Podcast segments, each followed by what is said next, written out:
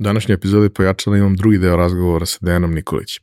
Prošli put je on bio uh, pirat, uh, čovjek koji se bavio računarima iz onog nekog praistorijskog doba. Uh, najavili smo da će biti start-uper i svašta nešto ostalo. Sad mogu da kažem i kolega podcaster jedan mlad podcast, jedan mlad podcaster, founder friendly, umeđu vremenu ugledao svetlo dana i topla preporuka da to ispratite, jer zapravo u ovom delu razgovora se bavimo onim drugim delom njegove karijere od 2006. godine do danas, kada je Dejan prošao kroz uh, nekoliko značajnih uloga, prvo u izdavaštvu i digitalizaciji klasičnih medija, zatim kao osnivač Newsneta koji svi toliko volimo, a zatim i startupa uh, Content Insights koji danas funkcioniše u okviru kompanije Smart Octo. Uh, ceo taj proces je bio izuzetno interesantan, Content Insights je kompanija koja je imala nekoliko runda investicija, koja je radila na mnogim zanimljivim tržištima sa velikim klijentima i celo Dejanovo iskustvo koje je nesebično podelio iskustvo od koga možemo da naučimo jako, jako mnogo, bez obzira na to u kojoj industriji planiramo da radimo. Uživajte! Realizaciju ove epizode podržala je kompanija Epson, koja je vodeći proizvođač projektora i štampača za sve namene, od kućne i kancelarijske upotrebe do profesionalnih uređaja koji se koriste od maloprodaje do industrijske proizvodnje. Već 20 godina u nizu proizvode najbolje projektore na svetu, a prvi štampač napravili su pre više od 50 godina.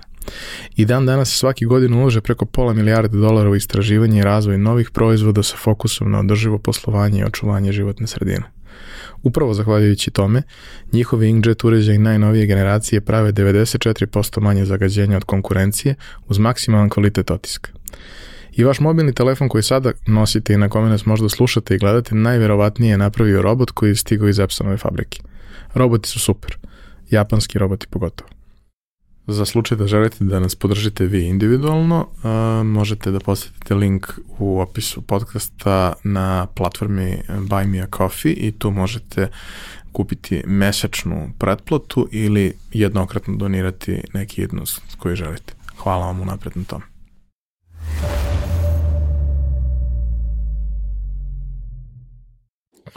E pa dobro, došlo je vreme i za drugu epizodu sa kolegom podcasterom Nikolićem, jer od prethodne do ove krenuo je lagano. 15 epizoda.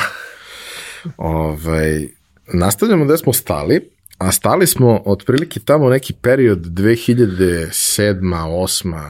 Ovaj, i tvoj izlazak iz priče e-magazina i tog nekog klasičnog izdavaštva, što si radio i kroz neke druge ovaj, biznise uh, i šta dalje? Šta dalje sa, sa tvojim poslom i, i, i karijerom? Da, imao sam još par stvari posle magazina, a, a prešao sam da radim a, magazin Security koji je pokrenuo Bana Anđelić, Ove, ovaj, a, ali to je, to je trajalo kratko neko vreme, jer uh, me ubrzo zaposlio Amis Telekom koja je ovde otvarao, slovenačka firma koja je ovde otvarala e, predstavništvo, pa sam za njih ovaj, ovde otvarao to i pokretao F-Secure, ovaj antivirusni program i ovaj, tako dalje. Umeđu vremenu sa, sa uh, uh, E, sa Milujem e, e, pravimo onu vezu, pokušavamo to da radimo, znači neke tu stvari pokušavaju da se, da se sklope, da, da, da radimo nešto na internetu, jel da? Um, ali um, ali pravi neki breakthrough je bio u stvari odlazak u Novi Sad iz, iz Beograda, jer sam se u to vreme udao 2006. godine a, izgubio sam predbračnu raspravu gde će da se živi, ne znam ni zašto sam počinjao uopšte raspravu.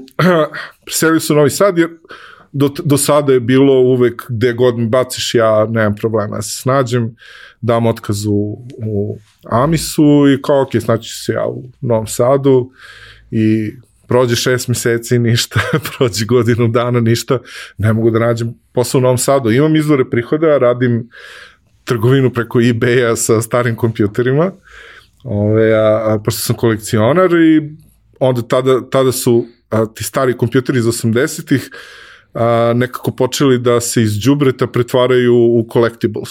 I a, ja sam taj prvi talas toga uhvatio i ono, recimo, kupuješ gde je jeftino, gde je to još uvek kao đubre, ovaj, neka Portugalija, Španija, Italija, a prodaješ u Nemačkoj i u Engleskoj i onda bude lepa razlika na ceni, a nešto slično dropshippingu, samo daš ovome da pošalje onom tamo. Ovo gde si kupio, daš mu adresu onome koji je od tebe kupio i eto, da. Posle sam pravio neke hubove, bilo malo u Milanu, mesto gde sam skupljao kompjutere, podatle slao dalje, ali to nije pravi posao, jel da? A, i, I ne mogu, ne mogu. Bio sam, u jednom trenutku sam bio aplicirao da radim u turističkoj agenciji, samo da ne, ne sedim kod kuće. Naravno, vraća se ono overqualified. Onda spuštam, spuštam CV, ono samo, ok, znam engleski, Ove, a, a, i ne, nema teorije. Znači, ako ne, ako ne možeš da se zaposliš u banci, Ove, a da bi se zaposlio u banci trebaš da imaš neke diplome koje ja nemam kao što znamo. Ove, a, a, a, ili u NIS-u ili da budeš neki baš ono etablirani preduzetnik koji tu pravi neke ventile već 20 godina ili tako nešto. Evo. Ništa od toga nisam. I Novi Sad je a, a, praktično prvi koji gde ja nisam uspeo da se, da se snađem. Um, I u principu um, kad sam se sa Ksenijom dogovorio da, da ipak potražim posao u Beogradu, bilo mi je potrebno tri meseca recimo da nađem posao u Beogradu um, i uh, taj prvi posao je bio pokretanje magazina Profit. Naime, jedan deo ekipe iz E magazina kad je uh, Robert Čoban otkupio je magazin, e, to se, ja mislim, verovatno se ekipa raspala, u stvari ne znam šta je, šta je bilo tada, Ove, ali ta ekipa je napravila svoj taj projekat i onda kad se ja javio na oglas praktično, niko mi nije zvao, prepoznali su me i odmah sam dobio taj posao i ta prva tri broja sam ja izbacio. U, umeđu vremenu je bila jedna, jedan posao za koji, koji sam tako jako želeo, to, to inače bio znači moj period javljanja na oglase i da, da probam te stvari kako idu. Ove, a, I um, uh, bio je oglas za znači, uh, uh, lokalno predstavništvo, um, kako se zove, mislim se zvao Index Analytics, posle to i Yahoo kupio. Um, uh, uh, znači, analitički alat, um, ono, ono što ja volim, jel da, uh, web analitika. I odem i a, žena koja je to vodila a, mi je opet rekla da sam overqualified, um, zato što je u principu njoj trebao neko da radi pešačke poslove. Rekao, hoću, nema problema, ali kao glupo je da nekome kome treba takav posao ne da, da bih ga ja dobio, a sigurno se ja mogu... Sna... Ok. Uh, I ta žena umeđu vremenu me a, a, a, smo se sprijateljili i, i, i ovaj, bili u komunikaciji I posle nekoliko meseci rada u profitu, onda uh, American Chamber, ja mislim, imali su Bane Čale što je vodio neki magazin, imali su svoj magazin, to mi je bilo super jer sam, ne znam, intervjuisao Jerrya iz Ben Jerry sladoledi, onda ne znam, ja mislim Artura Millera iz Gazproma, znači ono neke face uh, do kojih sam dolazio pre samo kad sam bio u e-magazinu recimo, to mi je bilo cool. Uh, I u principu posle tog magazina mi se ovaj, javlja ta žena i u principu a, me preporučila u, za Adria Mediju i onda sam otišao tamo, obavio razgovor, oni su me zaposlili i ja sam trebao da budem zadužen za online biznis uh, srpskog dela Adria Media, pošto je to uh, čerka kompanija tri velika evropska izdavača, Sanoma, Gruner i Štirije i uh, oni su napravili zajednički za celu Adria regiju da ne konkurišu jedni drugima um, i tu su bilo ta izdanja no, da, EL Story, National izdanja. Geographic, licencne izdanje, tako je. Um, I oni su bili veoma, to je bilo 2008. godina, recimo leto 2008. godine, oni su bili veoma uh, ambiciozni, uh, kupili su um, dosta toga po Hrvatskoj i sad su rešili u Srbiji da, da krenu da prave to medijsko neko carstvo i mene su doveli da, da ja to vodim. I, I baš kad sam se ja zaleteo, mislim, neću se pričam šta je sve, ali recimo, a, a, a, bio, bio je potpuno otvorena vrata za bilo šta, znači ono kao blank check, ako hoćeš da se kupuje B92, kupujemo B92, nema veze, mora sve da ide na internet, da, da, da, da šta je ta vrsta zaleta? No, da, to je, to je trenutak kada suštinski ta ekipa ozbiljnih publishera, posebno tih sa licentnim znanjima, kreće da se bavi online-om kao važnim kanalom, jer do tad je print njima bio prioritet i bilo je jasno da ide nekom silaznom putanjem. Da ljudi tu vrstu sadržaja ne žele da konzumiraju jednom nedeljno ili mesečno, da. nego kad je aktualno. Uh, pa u, upravo, mada ja mislim da, da, da je to više tada, oni su uhvatili trend i videli su šta drugi rade i onda ono, fear of missing out, uh, I onda su krenuli da rade, nije, znači nije postala neka koherentna strategija iza, iza svega toga, nego nešto što je uspešno na, na, na toj teritoriji, ok, kao hajde da, da krenemo ka tome. A, to, to mislim da je bilo za, za, zato što sam kasnije potrošio dosta energije da, da organizaciju stvari koliko toliko okrenem ka, ka webu. Jer su se jako plašili uh, samo ka, autokanibalizacije. Da, da, da, naravno. Ove, kao i svi i ono, moj posao je bio da im predočim da da to jeste gadan, gadan izlaz, ali a, a, da je bolja autokanibalizacija nego da te drugi neko pojede.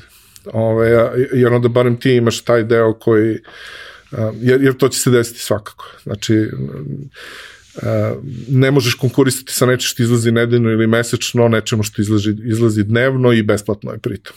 Da, dobro, naravno, tu imaš ceo jedan faktor koji, koji se ne uzima dovoljno u obzira, to je da u tim nedeljnim izdanjima ima vesti, ima svega, ali ima tih nekih velikih komada sadržaja, nekih velikih intervjua, ozbiljnih fotkanja i svega, koje mogu da sačekaju svoje vreme, jer ne postoji konkurencija u tom nekom klasičnom smislu. Ne može niko drugi da, obno, da objavi to.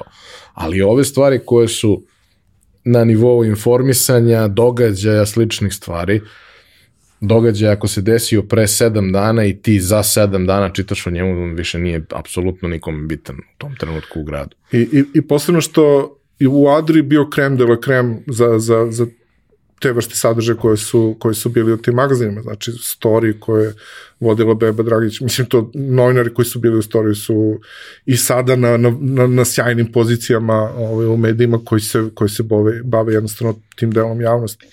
Ove, a, a, a Eli je bio sjajan, a, a, Sensa je pokrenuta tamo koja je doživjela veliku popularnost, znači sve je to okej, okay. to što pričaš stoji, ali a, a, glavni deo biznisa je advertisinga, znaš koji je trend sa advertisingom kad su mediji u pitanju, znači advertising ide tamo gde su eyeballs, ne ide tamo gde je dobar sadržaj. Naravno. E, i, i, i tu je taj a, um, a, u, u stvari taj, taj moj posao bio da, da, da, da premostim taj strah i da da krenemo da, da o, na vreme da ubiramo i, i story je to i uspeo. Mislim, prva godina story je bila oko 100.000 evra na advertisingu online, što je za to vreme, znači pričamo 2009. godina, po, poprilično dobro. A kako je bilo praviti to u firmi koja apsolutno nema interne resurse za tu vrstu posla? Pa moj posao je bio da ih napravim. Znači, a, sadržaj a, je pravljen lokalno, ali je posto, postoji u okviru korporacije. Znači, nama su bili a, kroz razne kanale dostupni sadržaj koji su se pravili na, na tri velika tržišta u, u Evropi, plus servisi koje su oni koristili smo mogli i mi da koristimo, mislim sve se to plaćalo, a, nije to zato što smo sad jedna velika srećna porodica pa kao sve se deli, ne, a, a, oni svoje ispostave vide kao i kao revenju izvor a, e, prihoda, jel da? Um, i, ali, ali je okej, okay znaš, dobiješ neke stvari koje drugi ovde nemaju, dobiješ brže, dobiješ bolje i, i time puniš uh, sajtove, a lokalni sadržaj je ono što nosi celu tu, celu tu priču. I onda smo se igrali sa, sa, sa, sa AdWords i sa AdSense tada ovaj, na, na Google-u, kako, kako da preusmeravamo saobraćaj sa jednog sajta na drugi, pošto je svaki od magazina sada imao ovaj, a, a, svoj sajt.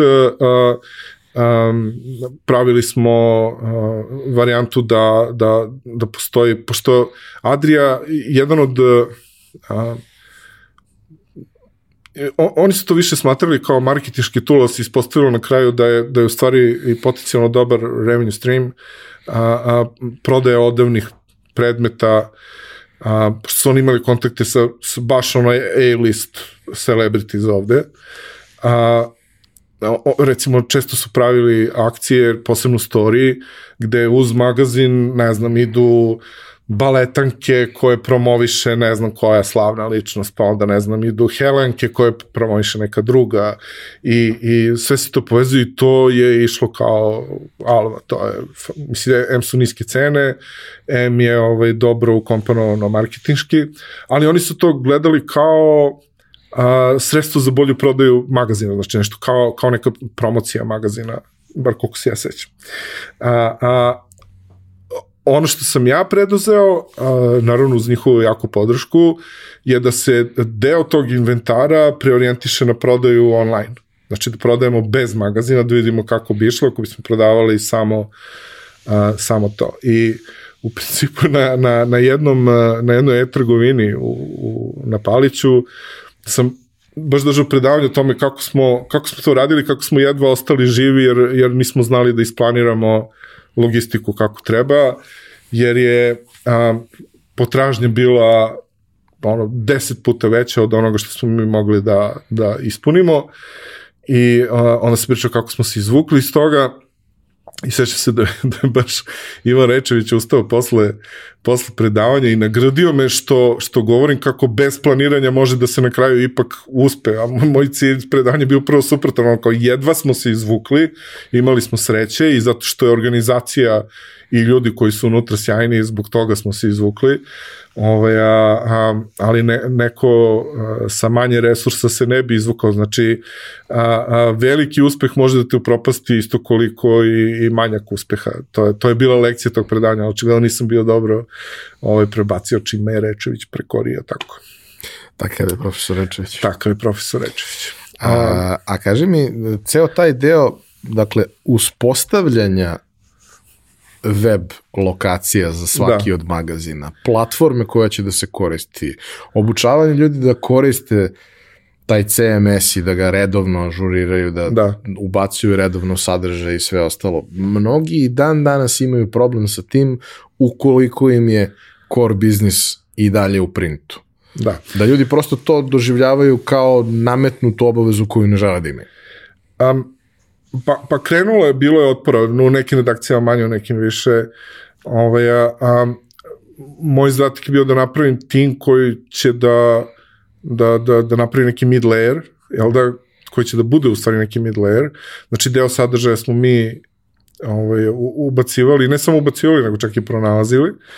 Um, ali ali tokom vremena su jednostavno oni skapirali, shvatili su da, da to jednostavno mora da se, da se radi, kako, kako su se uspesi neki nizali, znači kako su se neki milestoneovi dostizali, kako smo ove, a, a, obavljani neke stvari na, za koje oni nisu znali da mogu da se rade i koje su komplementarne onome što se radi u printu, znači print i web mogu da, da sarađuju a, um, gde, gde, gde i web pospešivao prodaju printa i, i print pospešivao saobraćaj na, na webu.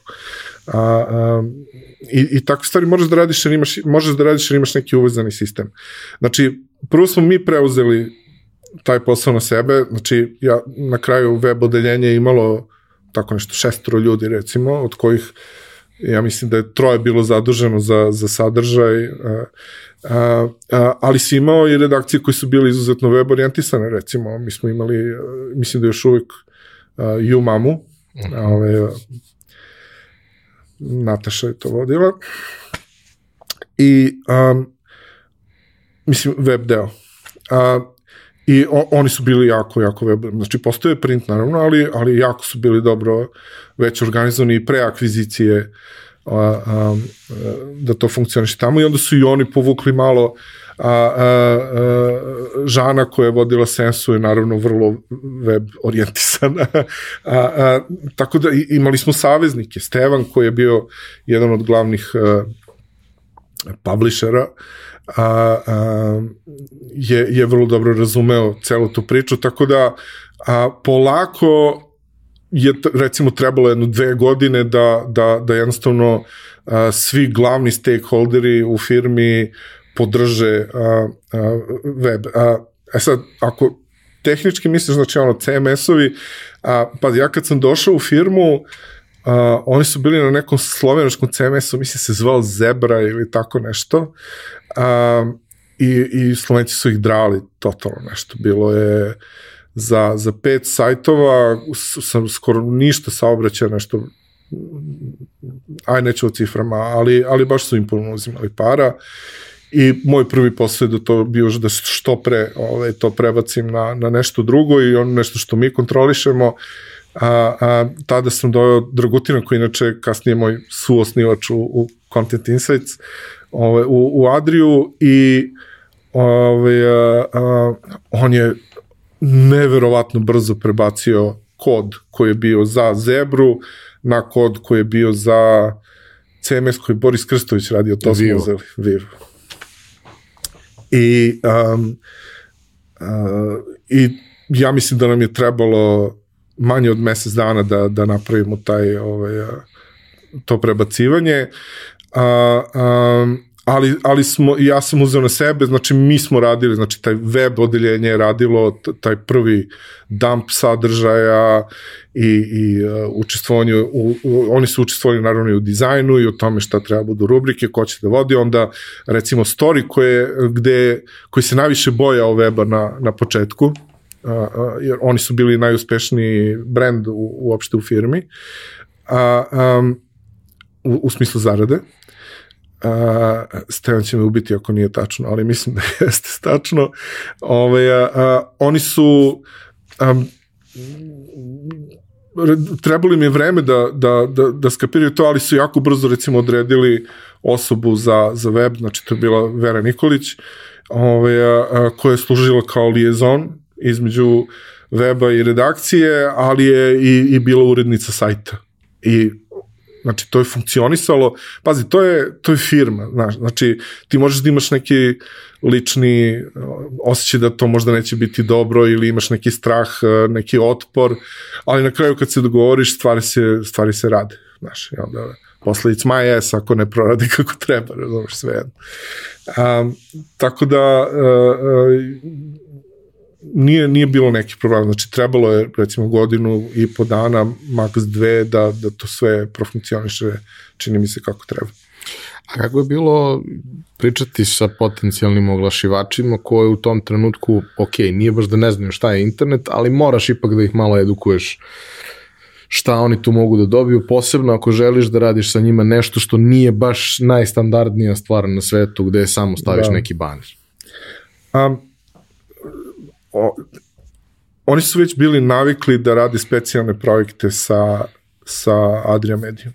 Znači, specijalni projekti su bili, a, ne znam, uradi se za neku kozmetičku kompaniju specijalno izdanje ili podlistak ili, a, znači, uvek nešto, tu, tu su stvari bile i najbolje, najbolje pare, meni se čini u advertisingu, ove, a, a, a, kada ovi imaju recimo launch nekog proizvoda i onda se ne štede pare i onda se napravi specijalno izdanje, ne storija celog naravno, nego recimo u samom storiju imaš, ne znam, po 16 strana koje a, imaju neku tematiku koju Nivei ovaj, odgovara. Ne, ne, nešto što bi ličilo na neki native advertising, ali, ovaj, ali se vidi jasno naravno da je brendirana cela priča ta ideja o specijalnim projektima se vrlo uspešno preselila na, na web, gde imaš, naravno, a, a, napraviš posebni projekat, poseban sajt koji je vezan za neki brend a, a, časopisa, a, ali promoviše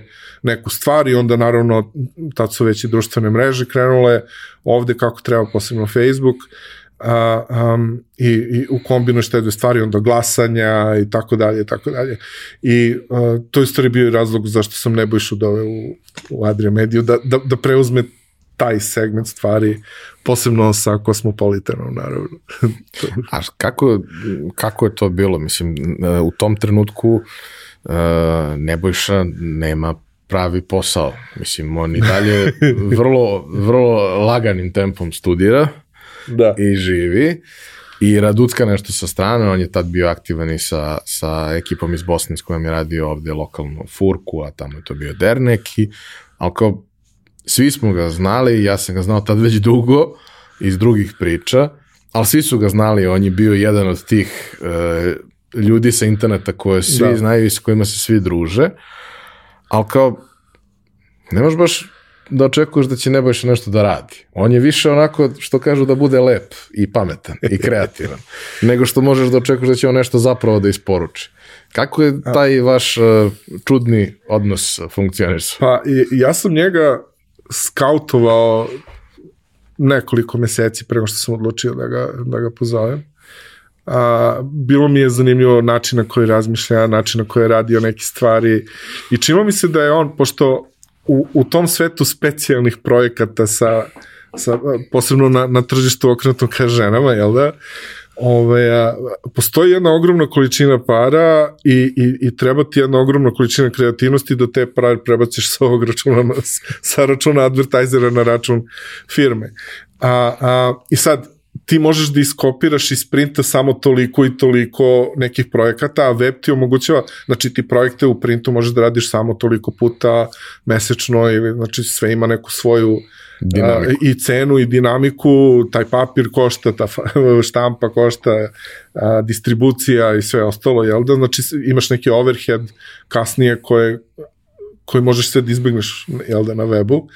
I tu se u stvari otkrila prava moć advertisinga na webu sa tim specijalnim projektima, bar kako ja doživljam. Imali smo mi fino zaradi od banera i od svega toga, saobraćaj na storiju posebno je bio sjajan, odakle se preusmeravao na ostale a, a, časopise za, za tu demografsku grupu, znači a, a, ovo će zvučiti jako seksistički, ali časopis posvećen bašti, časopis posvećen kuvanju i tako da i tako.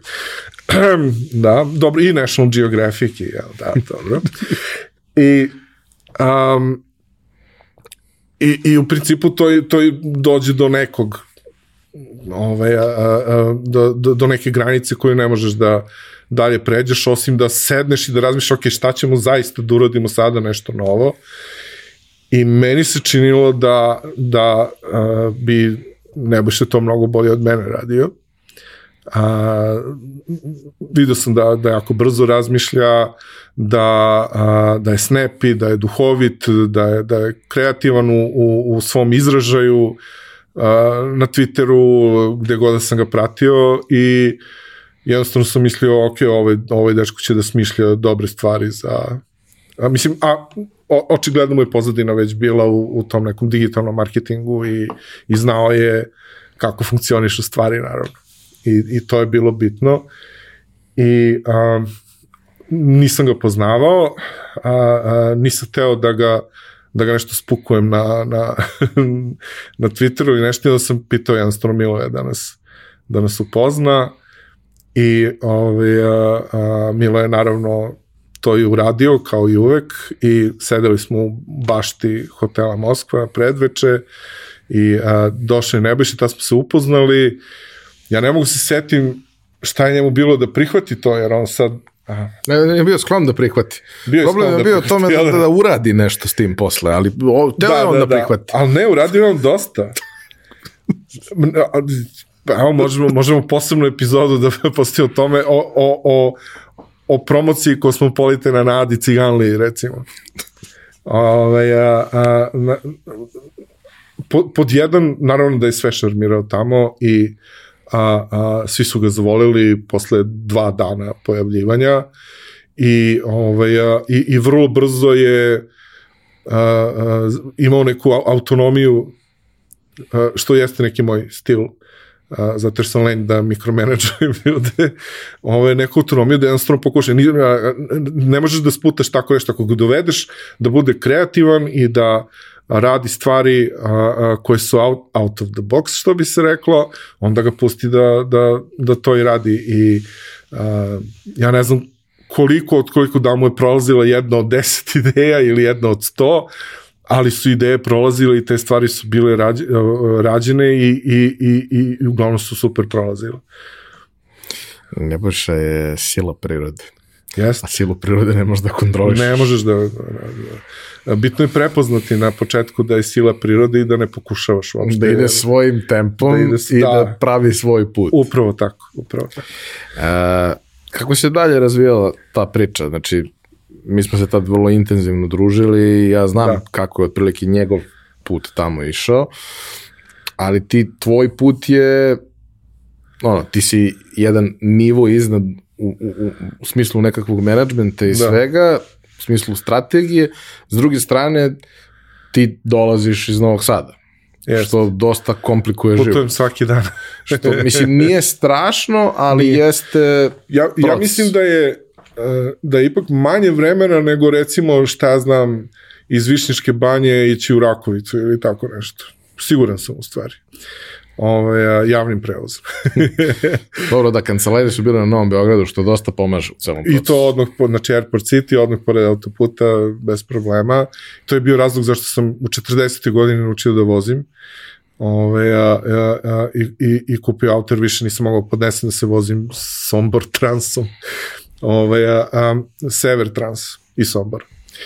A, u svakom slučaju, a, ja sam tamo doveden u jednu vrlo ambicioznu firmu sa vrlo ambicioznim planom, ali je to bila 2008. godina, a kad je 2008. sve puklo, a, ja mislim da je moguće da se varam, ali a, tako mi je utisak ostao u glavi, da je Gruner i Jar tada video prvi negativni kvartal od kad su se osnovali, a osnovali su se u 19. veku.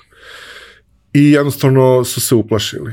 A Sanoma je jedina koja je, pošto su iz Finske, jedina koja je držala ono kao i dalje i gurala stvari ka digitalu i, i čak digital Sanoma je bila posebna u Holandiji organizovana od print Sanome koja je bila u, u, u Finskoj, ali ovi tradicionalisti, Gruner i Jar i Štirija su se baš stegli, a pošto je bio kons, morao je konsenzus da bude za bilo kakve akcije, jednostavno svi budžeti za akvizicije, za, za sve te planove koje smo mi pravili kad sam ja došao, a, su bili presečeni. I, i otud i, i moje kasnije to interesovanje, recimo da od storija napravim biznis online i uopšte da, hajde da se bavimo onim što imamo kad već ne mogu da, da napravim carstvo kako sam želeo. Ove, a, a, a bile su te neke, neke akvizicije pred, pred samom realizacijom. Ove, a, naslovi, tako to.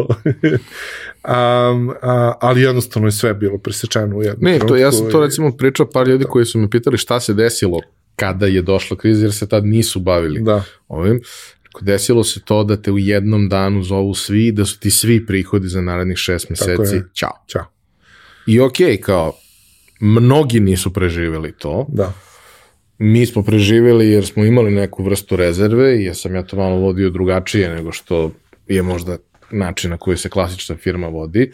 Preživjeli smo i to, preživjeli smo i sličnu stvar koja se desila 11. 12. kad se okrenula situacija sa tim ko je na vlasti, što nema nikakve veze sa onim što smo mi radili, ali ima veze jer kompletnu advertising scenu drže oni koji su izgubili vlast da. pa, a ne može baš preko noći da se promeni, sve treba neko vreme da se uđe u to.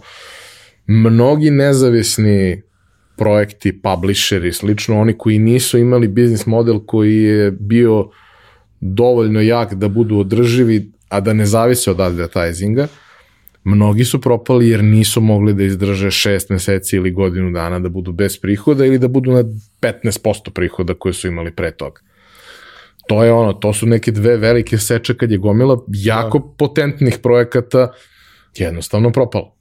Jer ljudi nisu da. mogli da opstanu.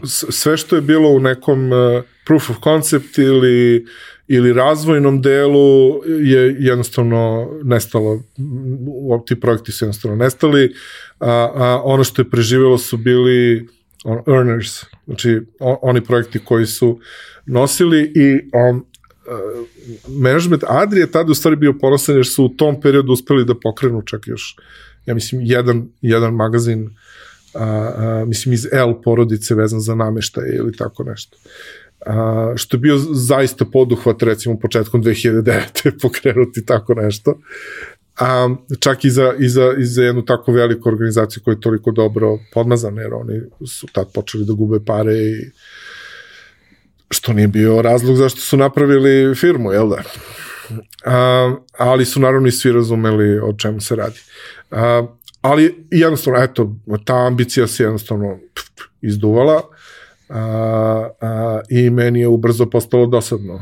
Ove, a, a, ne, ne samo bivstvovanje u firmi, jer imaš previše fantastičnih ljudi tamo s kojima možeš i da se družiš i da se rađeš i da radiš super, a, a, ali jednostavno nisam video gde to vodi. I malo sam upao u neku polu onako pro, polu pro, uh, profesionalnu polu depresiju, ovaj ne, ne znam, okay, šta sad ja sam sad u, u nekim najboljim godinama, ovaj a, a, a, i šta sad kao da budem neki ono menadž, menadžer a, a, ja ja sam napredovao u tom periodu jer smo te magazine izbacili a, a čovjek koji je to vodio u Hrvatskoj je otišao iz firme onda sam ja preuzeo i Hrvatsku, pa sam bio kao neki koordinator za, za celu regiju, a, um, ali realno nisam zaista vodio biznis u Hrvatskoj, mislim, tamo su ljudi prilično sposobni bili, plus nije imalo šta se radi, jer nije, imalo, nije bilo budžeta ni za šta. Um, a, ali se tu i pokazalo koliko su ljudi, recimo, tada si rodila ideja za te proizvode uz, uz magazine i to je i, iako je bio u sred krize, pričamo 2009. 2010. Ove, a, a, to, to je eksplodiralo bilo. To je, pa da, mislim, sjajno. ceo taj moment da ti uzmeš, osmisliš dobar proizvod koji je da. dovoljno univerzalan da nemaš 86 veličina o kojima moraš da vodiš da, da, da, naravno vodaju stručno o tome. Dovoljno univerzalan proizvod, dovoljno jednostavan da može da ide uz različite stilove, sve ostalo, naravno ljudi se bave time, ali što je još važnije, imaš skalu, znači radiš ga na skali od 5000 komada, 10.000 komada, 50.000 komada. Slobodno 100.000 komada. 100.000 komada da. nije isto. Kao kad neko kaže, ajde da prodamo 50 kapa. Jeste, upravo, Znaš, da, da. Ovde možeš da radiš na neku ozbiljniju matematiku, možeš da ideš sa nekom manjom maržom, ali na tu količinu će ona da bude dovoljno velika, da. plus ćeš da povučeš ono što ti je osnovni proizvod. Ljudi da, da, će da. zbog toga da kupe i ono od čega ti bazično preživljavaš. Tako je. I onda vezuješ za to dalje aktivnosti i u principu ta akcija vuče sledećih šest meseci još, a ne samo a taj period kad sa, stalno ima nešto. Onda ovaj broj su baletanke, onaj broj su helenke, ovaj broj su, znači a, a, ja mislim četiri, recimo mesec dana to vuče, a onda iza toga imaš akcije koje, koje ovaj, idu dalje. Naravno ide i, i customer support na koje jedna redakcija ili čak korporacija koja je organizovana oko redakcija ovaj, nije, nije naviknuta, jer a, a, ne radiš customer support kad prodaješ magazine, o, a, a odjednom sada moraš da radiš jer imaš vraćanja, imaš a, a, znači, proizvode koji nisu dobri, koje moraš da zameniš, koje, znači sve se to učilo u hodu praktično, a, a, a, ali su se snašli sjajno, a, tako da, u stvari ja sam baš, jeste malo, kao celebrity su iz, iz nekog a, miljeja koji, koji, koji meni ne paše. Ove, e, ne, mislim, oni su svi super, ali ja ne slušam tu muziku, ne, ne bavim se tim. Dobro, ali zapravo ako pričamo ali, o tome što ste vi radili, to su na kraju dana sve neki pristojni ljudi. To nije jesu, zalaženje u ono što je estrada a, kod nas u klasičnom smislu. Tako je, tako je. Znači, to, to je baš ono sam, sam vrh, ono, lepa brena i tako to. Ove, a, a, a proizvodi su opet, znaš, ko, kojima ja lično ne znam ništa, Ove, a, ali znam da, e, znam, znam kako da organizujem web oko toga, znači, a, koliko smo mogli da organizujemo, znači resursa je bilo, znači oni su, oni odvoje neki inventar, a, a, i sad ti organizuješ sve, sve oko toga. Znači tu sam naučio u stvari kako se logistika iz e-komerca organizuje kada, kada ne znaš šta radiš. Znaš, ovaj, a, a, Uh, jer ja sam znao da, da, da uradim front-end, znao sam da uradim prodaju, ali nisam znao ove, logistiku da uradim, posebno kad je ne kontrolišeš skroz, jer mi smo praktično zavisili, e, ok, bilo je prvo um, iz, iz, ispritio, ok, koliko da odvojimo za web, pa kao hajde 10% od, od onoga što će ići, ja rekao, hajmo 110%. Znači, prodaću više od vas, sigurno. O, ne, ajde 20, pa, pa ne, ne, ne se na koliko smo se ovaj, našli i naravno da je nedostajalo, znači falilo je, morali smo da, da gasimo promocije online i tako dalje, ali već sledeće godine ono što je bilo bitno da se vidi u toj organizaciji da su naučili i organizovalo se to mnogo bolje i za web je mnogo više išlo i a, a, super je funkcionisalo. To, to mi je bio baš jedan radostan period u toj firmi, ali ali opet to lokalnog nije, nije, nije bio, ja, ja sam mnogo ambiciozniji čovjek od, od tako nečega. A, a, i, I krenulo je tu moje interesovanje za Adriju da, da pada već, znači to je 2010. godina a, i onda sam dobio i šest. Dobro, a kako si prelomio da, da to više nije to? A, pa, pa news je prelomio da to više nije to. Da, ali mislim, imaš ovamo neki komfor, naravno. Da. I u principu, ono, ti si prvoborac, tako da već ti uradio ono što, što je najbitnije, ne moraš sad da izgaraš, ti da. imaš potrebu, ali ne gurate okruženje verovatno da, da sad ono praviš pa, čuda to, konstantno. To, to mi isto priča moj, moj otac samo drugačijim rečima i rečnikom. Kako majmune, jedan tamo napraviš nešto i onda ideš na sledeće, nesigurno da li si ti normalan. E, e, pogreši čovjek. Je, pa ne pogreši, takav sam je. Ove, a, ali u svakom slučaju a, e, nije više to bilo to i onda Uh, smo kao doveli jednog čoveka koji bi trebao da bude ispod mene u menadžmentu, ali da, da ima operativne ove, a, a, nešto kao moj CEO recimo a, a, u okviru odeljenja i, i, i ja sam njega već pripremio. pripremao za, za, za to da, da, da, da zauzme moje mesto. Pošto sam osjećao da ću, da ću otići, ali nisam znao kad i nisam znao zbog čega. Znači nisam hteo tek tako da odem, jer ja i dan danas na sve te ljude, znači ja imam vrlo, vrlo a, lepe e, i emocije i sećanje ka, a, na, na tu firmu i ošte šta smo zajedno radili tamo.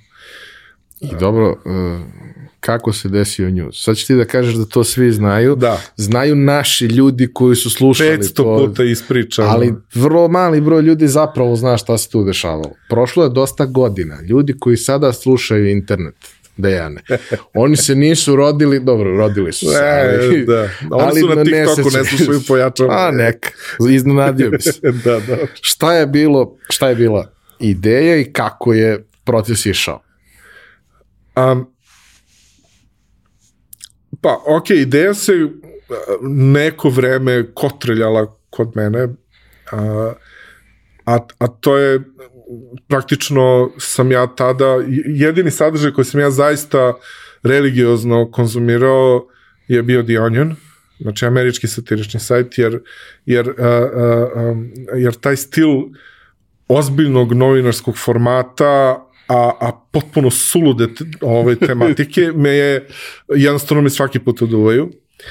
A, s druge strane, a, Daily Show sa Johnom Stewartom. Bog. I, i Stephen Colbert, Colbert Report. A, a, I to su uvijek išli ono prvo John Stewart, pa onda Colbert posle njega. I Colbert posebno, znači Daily Show, ok, to je, to je Biblija, to je, John Stewart je bog, da, Ove, ali ono što je Colbert radio, znači ja mu nikad neće oprostiti što je prestao da radi. Ajde, razumijem Stewart da se konačno penzionisao 25 godina radio, ali a, a, a, koncept da ti ove, a, a, a, preuzmeš lik, karakter a, ultrakonzervativca i da sav njihov narativ prenosiš u superlativima, znači ono potpuno, da neko gleda da ne zna da je satira, mislio bi da je nešto sa Fox Newsa, razumeš, znači, ali, ali, mada vidiš da je nešto off.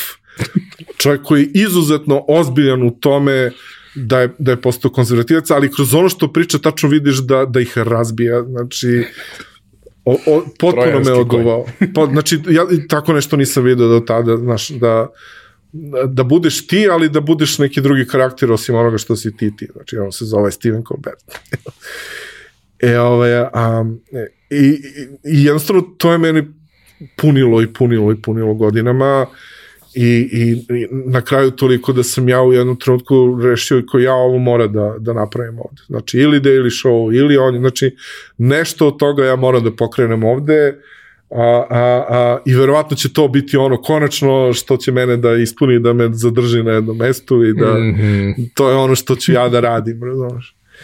A, I nekako igrom slučaja dobijem taj glupi išijas leto 2010 i ostanem kod kuće i, um, i ko, aj što ne bih iskoristio taj period da probam. Napravim Facebook grupu i skapiram, znaš kad recimo on je u to vreme već počeo da gubi neki edge. Znači, ostarili su pisci, znaš, kada ostariš, uđeš u neke mehanizme, ponavljaš se, tačno vidiš da su isti mehanizam ovog teksta primenili na ovaj, samo je druga tema, vidiš da su postali lenji, matori, I onda ja vidim, znaš, znam američku politiku, znam šta kritikuju, znam šta je, o čemu je satira i onda ja ono što su oni napravili, napravim drugačije kako bih ja recimo to voleo da vidim i počnem da se smejem onome što sam ja napisao i kažem ja ovo mogu bolje od, od Onjena da radim, brate.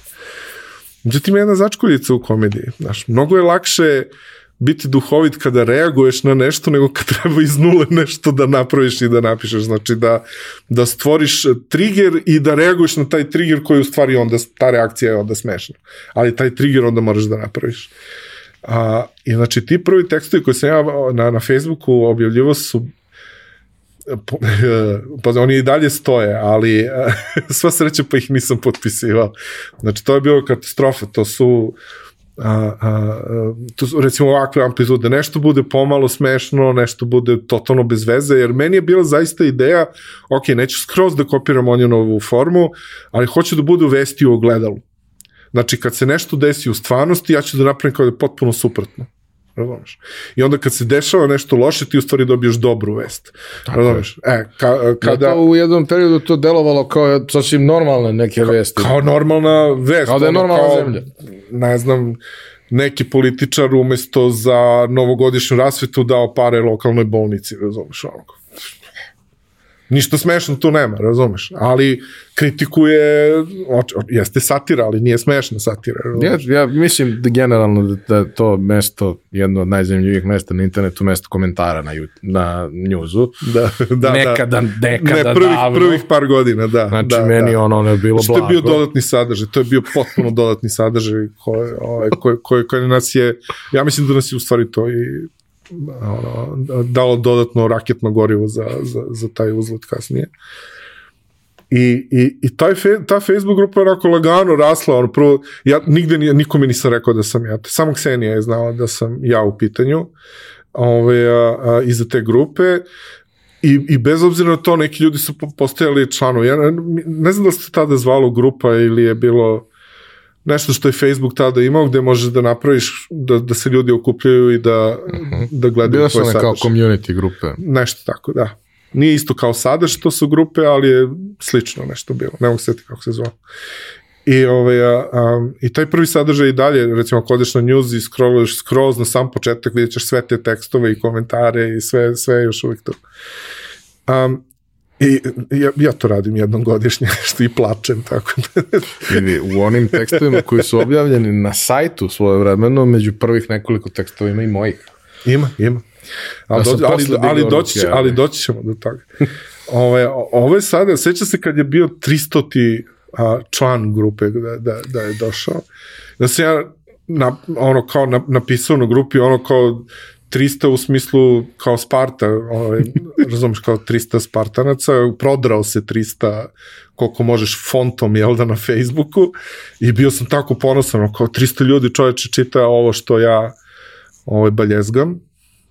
I Uh, zaista članak koji je uh, grupu, Facebook grupu probio je bio Viktorov uh, ove, uh, krst na pilonu na, na mostu na Adi koji se tada gradio i um, kao što su njih dvojica pričali ovde kod tebe, ovaj, uh, Uh, tada je bio aktualno ono dizanje krsta na ulazu u Kragujevac, uh, aktualna bila ta moguća korupcija oko dizanja mosta u Beogradu i onda je ovaj to iskombinovao i a, napisao fantastično pismeni tekst napisao. Fantastično pismeni tekst e, o a, a, a, krstu na vrhu pilona, znači to se planira, mislim da je napisao i cifru koja je određena za I da, to. mislim da je bio svetleći, da je to isto bilo bitno. A, a, koji se okretao, tu je restoran bio, a, takođe u kome se sredom i petkom služila posna hrana. I, ovaj, a, a nisam siguran da, da ostane dani uopšte otvoren restoran, ali da. I sad, pošto je na samom Facebooku, jel da to ovih 300 je, je to naravno, a pazite, od tih 300 naravno stotinjak e, je ekipa koja je slična tebi, znači ne znam, Istok ti, Sloba Marković, on, znači ljudi sa velikim klautom na, na samom webu Ove, i oni su to proširili i taj tekst je postao odjednom svuda prisutan i, i prvi tekst koji je prevario zaista, čini mi se, ljude jer znam da su neki arhitekti, dizajneri diskutovali o, o, o kakvom kretenskom rešenju za, za pilon mosta, da li su oni normalni, na što troše pare, džilas, lopovi i tako dalje. Ove, a, a, I posle, naravno, kao što je Viktor ovde javno priznao, on je uzeo neki tekst da, iz, iz nekih novina i samo je ključne reči promenio i poslao mi takav tekst, ja se oduševio i, i, i to je bio tada najbolji tekst na, na, na, na njuzovoj grupi, jel da? Ve, već se zvala tad njuz. A, a, ja, da već sam bio, ja sam ubeđen da sam ja smislio naziv News. A, a, a, mislim da, da je Nebojša konačno priznao da jesam ja smislio, ali smo znači dok, dok smo još bili u, u Adri zajedno razmenjivali ideje, ja sam pitao šta misliš? Da pitao sam sve, bukvalno sve ljude koje sam pitao ono kao hoću da radim ovo i ovo šta misliš, rekli su ti si idiot, ko, ko će to da, da li si normalan, znaš od onog, neko pokuša da mi objasni, znaš, ovde je tradicija satire drugačija, Domanović, Nušić, zamenice, nije upili, ljudi će da misle da je to stvarno, da li si ti normalan, znaš, do onog, ti si idiot, znaš, e, to je... Ja sam bio negde do sredini. Tu negde do sredini, da. I ovaj, a, ali ono, kao ja sam morao to da radim, šta da radim. I, a, I tako je Viktor praktično bio prvi spoljni saradnik, Um, ja mislim da su na grupi još nekoliko tekstova ljudi koji uh, za koje sam se ohrabrio da kontaktiram ovaj, pošto Viktor je do mene došao zato jer znao, mogao da dođe do Nebojše. Imam čak i mail koji je razmenio nešto, je kao znam lika koji zna ovoga što vodi news, kao pa ću da mu pošaljem tekst, imam te mailove. Ovaj, um, I tako je, tako je stvari počeo. Tim tekstom je počeo uspon pravi uspon Znači, uskoro je ta grupa imala 3000 ove, članova koji su dalje širili sve što smo objavljivali, pošto je to tako raslo, naravno, ok, sledeći korak je bio, ok, ovo mora se pretvori u sajt, nema više zezanja, a, a, ja sam već tada znao, ok, izlazim iz Adrije, to je gotova priča, a, i, i pokrenut ću ovo kako, kako treba, kako Bog zapoveda, Um, samo je bilo pitanje kad i, i kako. Um, I, uh, i tada, je, tada je bio lov na, na Nebojšu, pošto tada je bila tada su bile dve mantre u, u internet zajednici da istoka ne možeš da dobiješ na telefon, da neće da se javi i da Nebojšu ne možeš da nađeš na 15 minuta uopšte ove, da, da, da ga angažeš za bilo šta. Jel?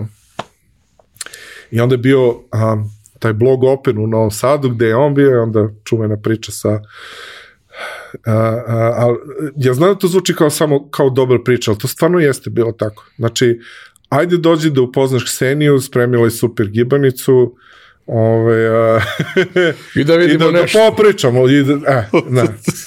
E, znaš, i onda je ušao u stan i bilo je zaključavanje vrata.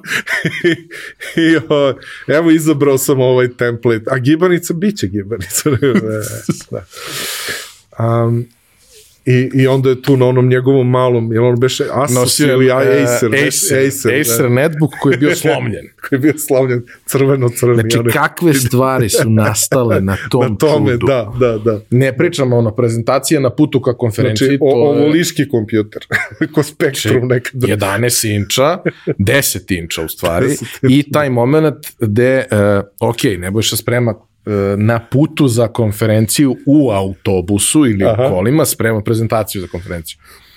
Ali Nebojša koji radi pripremu za billboard na onom. znači, niti ti ne vidiš billboard.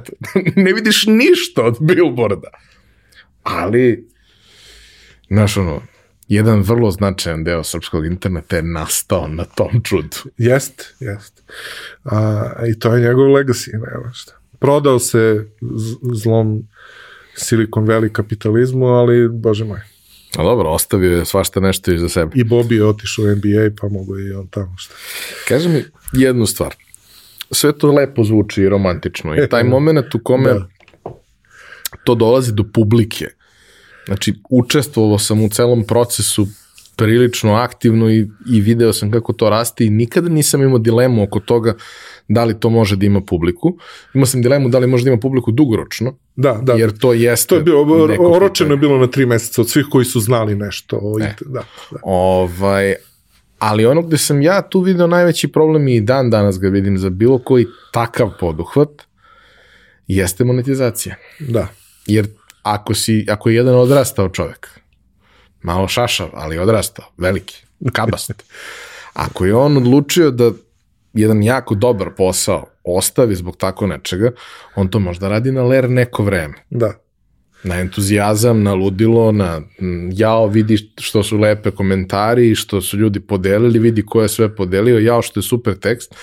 A kao u nekom trenutku to mora da se odvoji od zemlje i da poleti, a to nije bilo baš tako jednostavno. Prvo, kod nas takvih sadržaja nije bilo, to što su i ljudi rekli.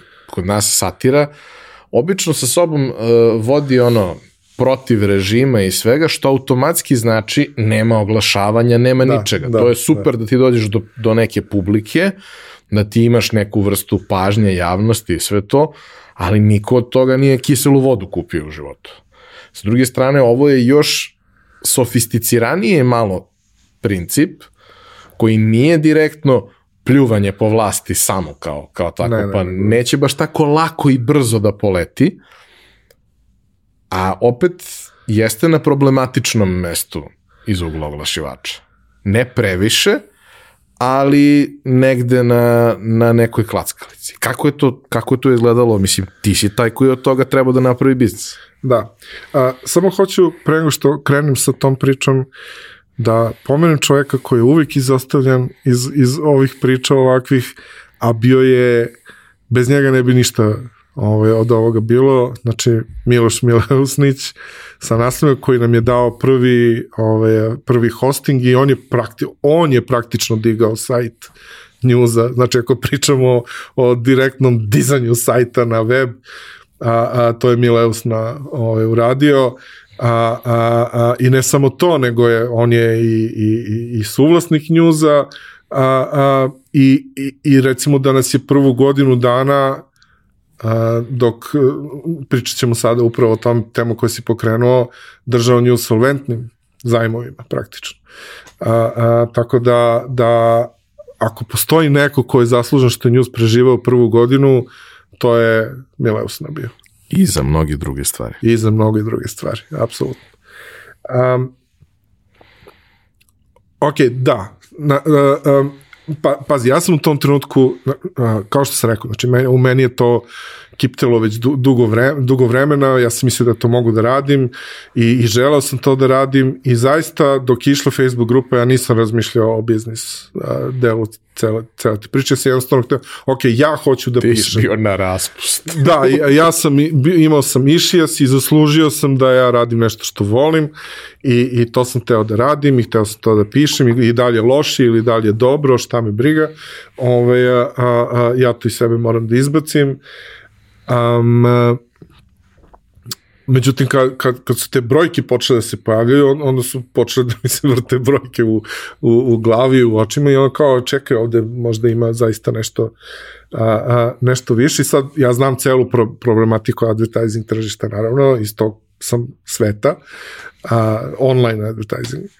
I um, uh, vrlo brzo je meni u stvari bilo jasno da mi nikad ne možemo da imamo saobraćaj blica i, i ti, tih top eh, news portala, a, a imamo praktično istu publiku, znači demografski se mi ništa ne razlikujemo od, od bilo kog news portala, znači to je isto tako šarenilo neko, nismo niša, ono za trčanje koje možeš da prodaješ patike, nego, nego jednostavno mi smo news site, samo smo satirični news site, jel da? A, I ono, umesto 600 tekstova dnevno koliko izbacuje Blitz, mi izbacujemo dva, tri, tad su bile još i četiri, jel? sad bude dva nedeljno. da. Evo moje vreme. Evo moje ja vreme, to... da, kad sam ja držao uzde. O, I, i, i, i tad je, da, ja sam tad, znači pre, pre nego što smo izbacili sajt, ja, ja sam znao da ću da pravo da napravim ovaj, posao od toga, biznis od toga, ali a, a, još uvijek nisam znao šta je taj biznis. Prvo, prvo mi je bilo, ok, ako dižeš sajt, ti ne možeš da pišeš sam. Znači, tu mora, e sad kako je, sad ja da tražim, ok, Viktor, možda ga i privolim da piše jedan, dva teksta nedeljno, ali ono, ne mogu s tim da napunim sajt, sajt samo na naslovnoj strani treba da ima 10 tekstova, a ne, na, na, na, na šo, ka, kako sad? I, I tu je došla ta, pričao sam i sa Varagićem o tome, a, ovaj, baš nekoliko dana pre poštanja sajta, i, a, a, i tu se onda rodila ta ideja da, da jednostavno demokratizujem stvari, da ono kao, ok, ko hoće da piše, hajmo. I onda sam neke ljude pitao da li hoće da piše, znači ja mislim da sam, ne znam da si mi ti sam poslao ili sam te ja pitao da mi šalješ. U, u svakom Znam slučaju, da je bio problem sa neki, sportskom neki ljudi su sam, da, neki ljudi su sami slali, neki ljudi sam ja pitao da, da šalju tekstove, neki tekstovi su bili očajni, neki su bili... Neki ljudi je Nebojša pitao. Da, da, neki ljudi je Nebojša pitao. Ove, a, a, a, i, i, i počeo da se, da se rađe taj kor neki a, a, a, sadržaja, ne redakcije same, ali a, pošto je ono čuveno, znači ja sam, pošto smo tu negde bili, znači nije bilo da sam ja 2003. rekao kad ja postavim sajt, bit će 10, 10, 10, što je 42, što je odgovor na pitanje univerzuma, smisla života i svega ostalog iz, iz Hitchhikera, nego jednostavno E, ok, sada je 6. oktobar, bilo bi baš super kad bismo 10. pustili, jer je 2010. 10. 10. Ono, to je 42 binarno i wow, super. Možda to čak i nešto znači, jel? I, a, a, i, i oto moja panika i to gurenje Nebojše da, da, da, da stisnemo. I bukvalno u nedelju, koja je bila 10. 10 da sam ga uhvatio i, i došao i, i čak smo ga i pustili u 10 uveče, ali to nisam dodao jer bi to pretvorilo binarni broj u nešto drugo, jel? Ove, ja sam želeo da bude 42. Um, I pa i sad, prvi dan 11.500 posete.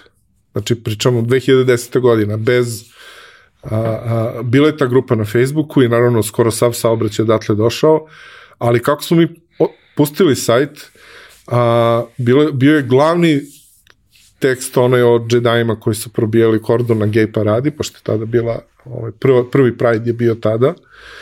A, I ja mislim da je ovaj isti monah koga su sada tokom Pride-a uhapsili, da je taj isti monah i tada pravio ovaj frku tokom, tokom parade i tada je bio isto raščinjeni monah. a, a, a, međutim, Nebojša mu je, ili mu je on stavio ili našao fotku gde on ima taj džedajski mač, E, to jeste svetlosnu sablju, izvinjavam se, a, i a, probija kordon policije sa, sa, sa uzdignutim tim, sa uzdignutom sabljom, plave boje, a, i od toga smo napravili a, napravili sajt gde, gde ovaj naslov bio nešto da li je, da li je ce, ceo Pride bila džedajska zavera ili sit nešto, znači potpuno nešto Star Wars gikovština ovaj, kompletna. A, bilo je još par tu jakih tekstova, a, a, ono da li je, a, koji su bili na naslovnoj strani, da li je a, pronađena zemlja, izme, pronađena je zemlja, nepoznata zemlja između Beograda i, i, i Kosova i Metohije, a, a, koja je ono satira na vesti koje su samo Beograd, Kosovo, Beograd, Kosovo, Beograd, Kosovo, ništa ovo između. Um, I još, još par tekstova vezanih za huligane, jer tada je bila ona utakmica sa Italijom u Veroni, gde je bio onaj lik na ogradi, bio hapšen i tako dalje. Znači, bilo nekoliko baš jakih tekstova tada na, na, na sajtu, par sam napisao ja, ne, Nebojša, Viktor, znači, bil, bilo je tu ono, um, Jesi ti pisao o tom liku u Veroni? Nisi. Ne. nisi. Anyway. Um, da ti si vaterpolo, pa to je bio prvi dan Nešto posle. sam, znam da je bilo košarka neka i da je Košarka, bilo, da. je bilo sporta dosta. Da, da, da. I, ovaj, a, um, I to je iz nekog razloga eksplodiralo. Va, i, jednostavno takve stvari ne znaš i ne možeš da isplaniraš. Ja sam očekivao da će to ići, ok, nekom uzlaznom putanjom i bildujemo sadržaj, provaljujemo šta treba da radimo, šta funkcioniše, šta ne funkcioniše i tako dalje. Ne, ovaj prvi dan je eksplodirao, 11.500 poseta, drugi dan 18.000 poseta, treći dan 25.000 poseta. Znači, u principu rast koji slušaš uh, kad, kad neko priča o nečemu silikonskoj, silicijumskoj dolini. I ovaj, a, a, ja sam bio zabezeknut skroz, zatečen. Ovaj, a, nisam očekivao to. Nisam to očekivao. A, I naravno za to ste bili zaslužni vi, jer to se širilo svuda. S, svi su širili svuda. Istok se naložio neviđeno. A, a, on je već prve nedelje njuza je već ovaj, poslao tekst a, gde kao sledeće nedelje se bila oralna parada koju vodi neka glumica, ne sjećam se koja, i kao sakupljanje na Kalemegdanu u to i to vreme. Ne? Mislim, smešnije nego kad ja pričam ovako. smešnije na papiru. I, ovaj, a, I čak i neka priča su se neki ovaj, a, okupili na Kalemegdanu. da. Um, kao odgovor na znači o porodične vrednosti, znači oralni seks, ovo je normalan oralni seks, jel da, porodični, a ne ovo gejevi, pride i šta je znam. Ja, to je bio tekst.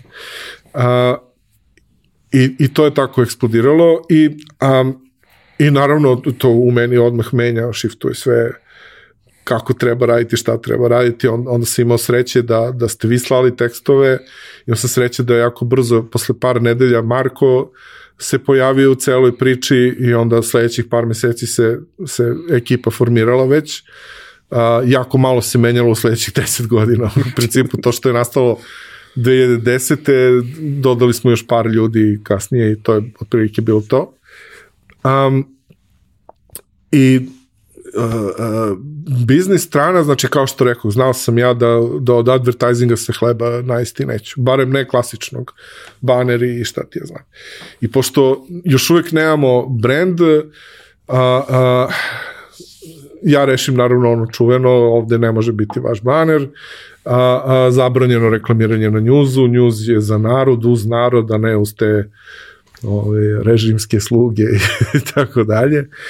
Um, Međutim, dobar deo uticaja na tu odliku je bilo to što je posle tog trećeg dana je 25.000, četvrti dan imao 7.000, peti dan je imao 3.500 poseta, šesti dan je imao 2.000 poseta.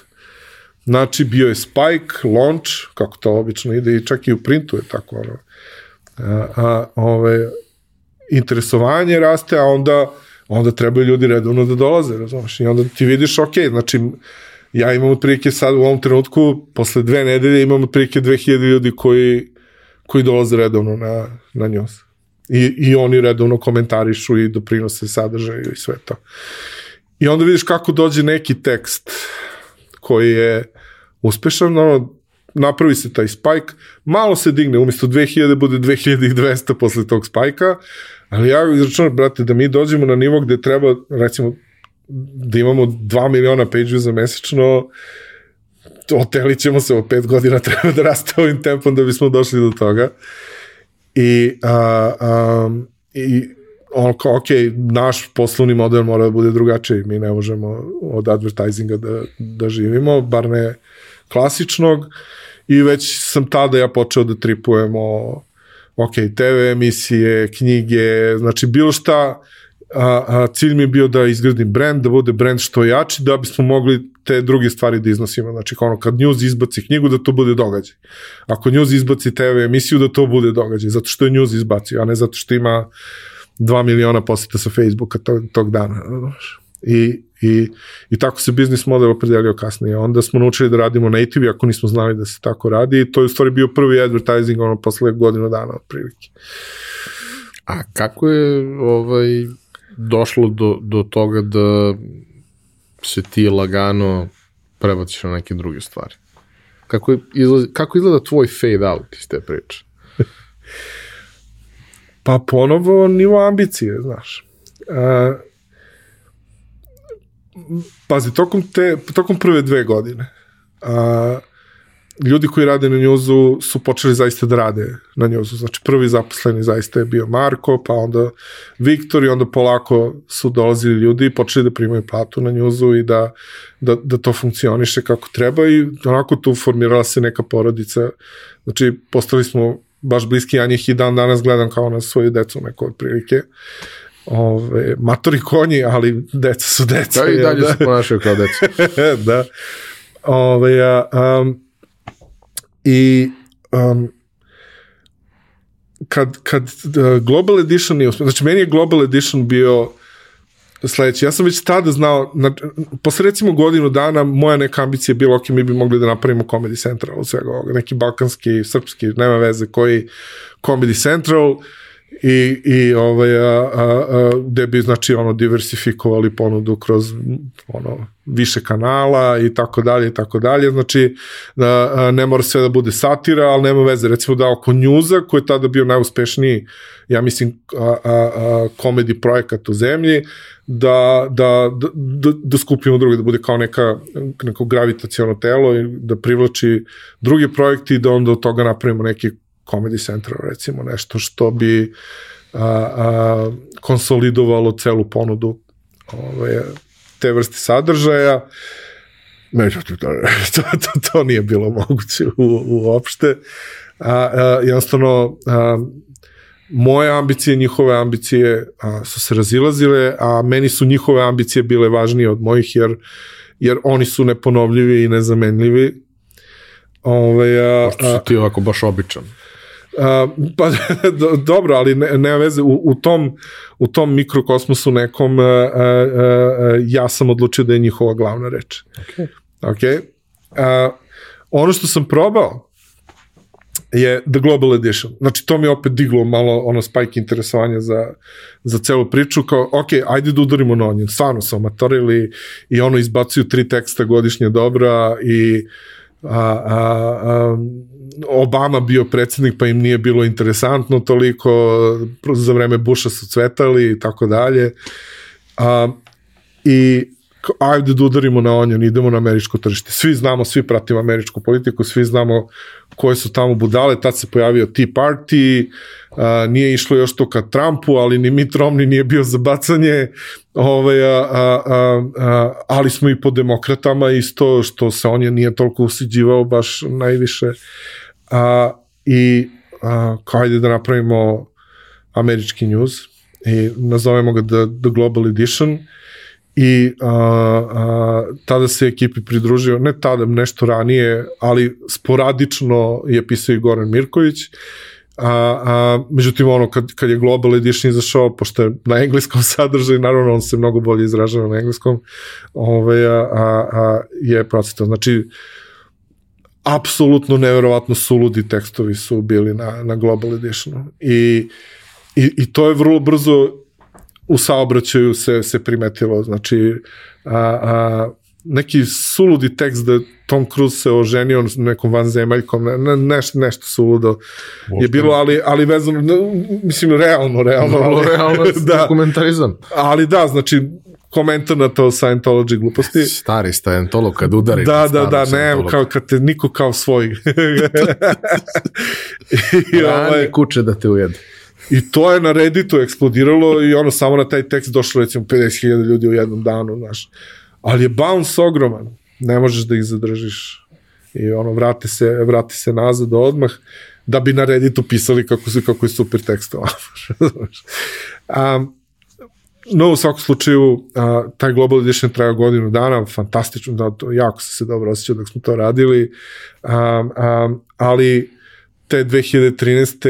je već krenuo pilot sa Kesićem a, i jednostavno resursi su bili pretanki. Mi smo našli neke pisce u Americi, ali oni prvo nisu bili to kalibra kao, kao ovi naši, a, a, a drugo nisu ni mogli, ja njih nisam mogao da plaćam američke cifre, Ove, a, um, tako da, da nismo, nismo mogli sadržajno da odgovorimo na, na potražnju, mada je stekao The Global Edition neki kultni ove, status, verovatno prilično kratkoročan, ali, ali znamo da, da, da, da, su, da smo bili jako cenjeni recimo ne znam na njujorskoj stand-up sceni i šta znam a, a, NPR je radio intervju sa mnom i uopšte pričali smo o tome kako Srbi zajebavaju Amere u izbornoj godini sva sreća pa je to bila 2013. da je bila neka 2016. ili tako nešto, verovatno bi nam FBI kuca na vrate jer širimo lažne vesti i utičemo na i rezultate izbora u Americi ili tako nešto. Ove, a, a, ali, ali eto, to je trajalo godinu dana i odlučili smo jednostavno da prekinemo jer nismo mogli da se rastiglimo toliko a, projekti u Srbiji su bili a, izdašni i, i više su zarađivali, moralo da se odluči hoćemo tamo, ćemo vamo i to je bilo to. I u tom trenutku, onda kad sam ja video da ja ne mogu da doprinesem previše za 24 minuta, a, a, ja sam a, učestvovao u pisanju pilota, ja mislim prve dve epizode i bio sam u pilotu a, a, ovaj, analitičar, um, ali ne u meni u glavi je John Stewart, razumeš, Daily Show, Colbert, a, a I, I jednostavno ja ne razumem televiziju u stvari, ja nisam televizijski čovjek, ja ne znam kako to funkcioniše, koliko god da su me oni umerivali, kao to će, ništa to što ti vidiš publika ne vidi. Naravno, upravo su potpuno. Ali ja vidim stvari poput, znači mene izluđivala jedna sjelica koja nije radila na, na plato. Znači, ako, ako gledaš prvih deset epizoda, ono kad, kad se kamera panira, spušta ka Kesiću, vidi se, vide se sjelice na, na toj platformi na kojoj je njegov sto i sve sjelice radi osim jedne koja je tačno u sredini. Ja, ja, ja, nisam mogao, ja to nisam mogao da preživim uopšte. Tu jednu sjelicu. Naravno, ona je u stvari simbol mog straha od televizije, to je da ja jednostavno ne mogu da iznesem to je jako stvari, neke stvari koje sam pisao su bile super. Ovaj, Ni, nije simbol toga. Veruj nije simbol, jel? Veruj mi, nije. E. I ja bi poludeo cijelice. Ovaj, a, a, a, i, I onda sam se ovaj, odaljio jer je tada već postojao MVP Content Insights-a i onda sam, ok, rešio, ok, idemo all in na ovu stvaru, na ovu stranu, njima ostavljam skroz news da rade i operativno sam se povlačio još sledećih recimo godinu dana dok smo našli a, a, Jelisavetine pretke, jel? koji su doveli do Jelisavete na kraju, ali ovaj, a, a, neko da me zameni u tom biznis delu cele priče i ovaj, a, neko ko će da odgovori na mail. Neko ko će da odgovori na mail, da, recimo. Um, i, i, i eto, to je, to je bilo to sa, sa njuzom. I, I sada ja, ono, ne znam, u, eto, u sledećih osam godina je prošlo od tada, znači devet, ja sam možda napisao tri teksta za njuz. Eto, to ti to. A otkud priča sa Content Insects? Pa, ona se rodila iz, iz neke moje potrebe za njuzom. Znači, taj a, jedno od zahvalnih načina da dobiješ ideju za nešto što ćeš raditi je da imaš neki problem i da počneš da ga rešavaš. A, moj problem je bio deo onoga što sam već pričao. Znači, ja znam da moj poslovni model ne može da bude advertising, bar ne sme da bude dominantan poslovni model, inače nema ništa od toga. Ove, a, a, a, I da mora da bude neki drugi, a za taj drugi je, kao što rekao, bitan brand. I sad, ono kako merimo uspešnost sadržaja je skroz okrenut ka, ka advertisingu, znači pričamo o kvantitetu, koji tekst je imao najviše page views-a, koji tekst je imao najviše klikova ili a, a, a, najviše vremena provedenog na, na tekstu prema Google analitici recimo, koje to po, potpuno pogrešno meri, ali nema veze. Um, I ja sam jednostavno hteo da vidim, ok, ne želim da vidim šta mi doprinosi najviše kvantitativnom modelu, hoću da vidim šta mi doprinosi najviše kvalitativnom modelu. Kako to da, kako uopšte to da merim? Ne znam. Znači, u tom trenutku ja imam 10 godina iskustva u medijskoj analitici i ne znam da merim to. A, I onda sam krenuo istraživanje da vidim kako, kako taj problem rešavaju drugi i, i, i video sam da a, uglavnom rešavaju in-house, prave neke salate od metrika, prave neke indekse, prave neke papazjanije tog tipa, ali uglavnom je sve i dalje bazirano na, na advertisingu, samo pokušavaju da, da spasu šta se spasti može, jer a, tada je krenuo neki trend a, da se mere performanse novinara. Znači, praktično da budu plaćeni prema tome kako njihovi tekstovi Ili makar bonusi da rezultate. budu kroz te stvari. Gokir je išao do toga da, da je plata zavisila od toga. I čak im je javno bila posložena lista novinara sa rezultatima koje imaju. Znači svako je mogao da vidi šta novinari Gokera ovaj, doprinosi i koliko doprinose. A, A, a ono što sam ja u stvari hteo da, da uradim jeste da zaštitim kvalitetne tekstove koje doprinose jačanju brenda njuza od kvantitativnih. Jer ako ih poredimo prema onome što je bitno za advertising, nikada ovaj kvalitetan tekst ne može da se takmiči sa ovim koji iz nekog dnevno političkog ili dnevno sportskog razloga eksplodira, jel da? Um, I u tom smislu a, sam vidio da ne postoji to rešenje i da, eto, moram ja da ga napravim, šta da radim. I, ove, a, a, I onda sam, a, način na koji bih to radio sam a, gledao da iskopiram iz nekih drugih industrija gde su imali slične probleme ili slično radili. A, I to je uvijek bio neki indeks koji je imao neki bucket metrika koje koje imaju neki odnos međusobni, da neki yield a, a, i, i onda se praktično te stvari umnožavaju i sabiraju prema nekoj formuli, izbaci se neki indeks koji ovaj, a, Jer čovjek mora da ima broj. Čovjek mora da ima vidi broj. Broj i mora da ima neku referentnu tačku. To je u stvari bila glavna glavna stvar početka CPI-a kao, znači Content Performance Indicator, taj naš algoritam, znači to je bila a, a, a, ima se od 1 do 1000 vrednosti, referentna tačka je bila 500, znači ako si ispod 500 ne funkcioniše stvari, ako si iznad 500 funkcioniše stvari. Eto, to je, to je bilo to i, i, i naravno ja sam krenuo sa, sa ono iz, iz, iz mog iskustva što sam ja a, znao kako da, da uposlim metrike, ali kako god da ih ja sabiram, množim ili delim, to uvek ispadne nešto bez veze. Uopšte ne znam, ok, šta znači što sam sad page podelio sa, sa ne znam, vremenom provedenim na sajtu ili ovo sa ovim, ovo sa onim. A, a, ili sabrao neke jabuke i kruške sa, sa traktorskim gumama. Znaš, ono,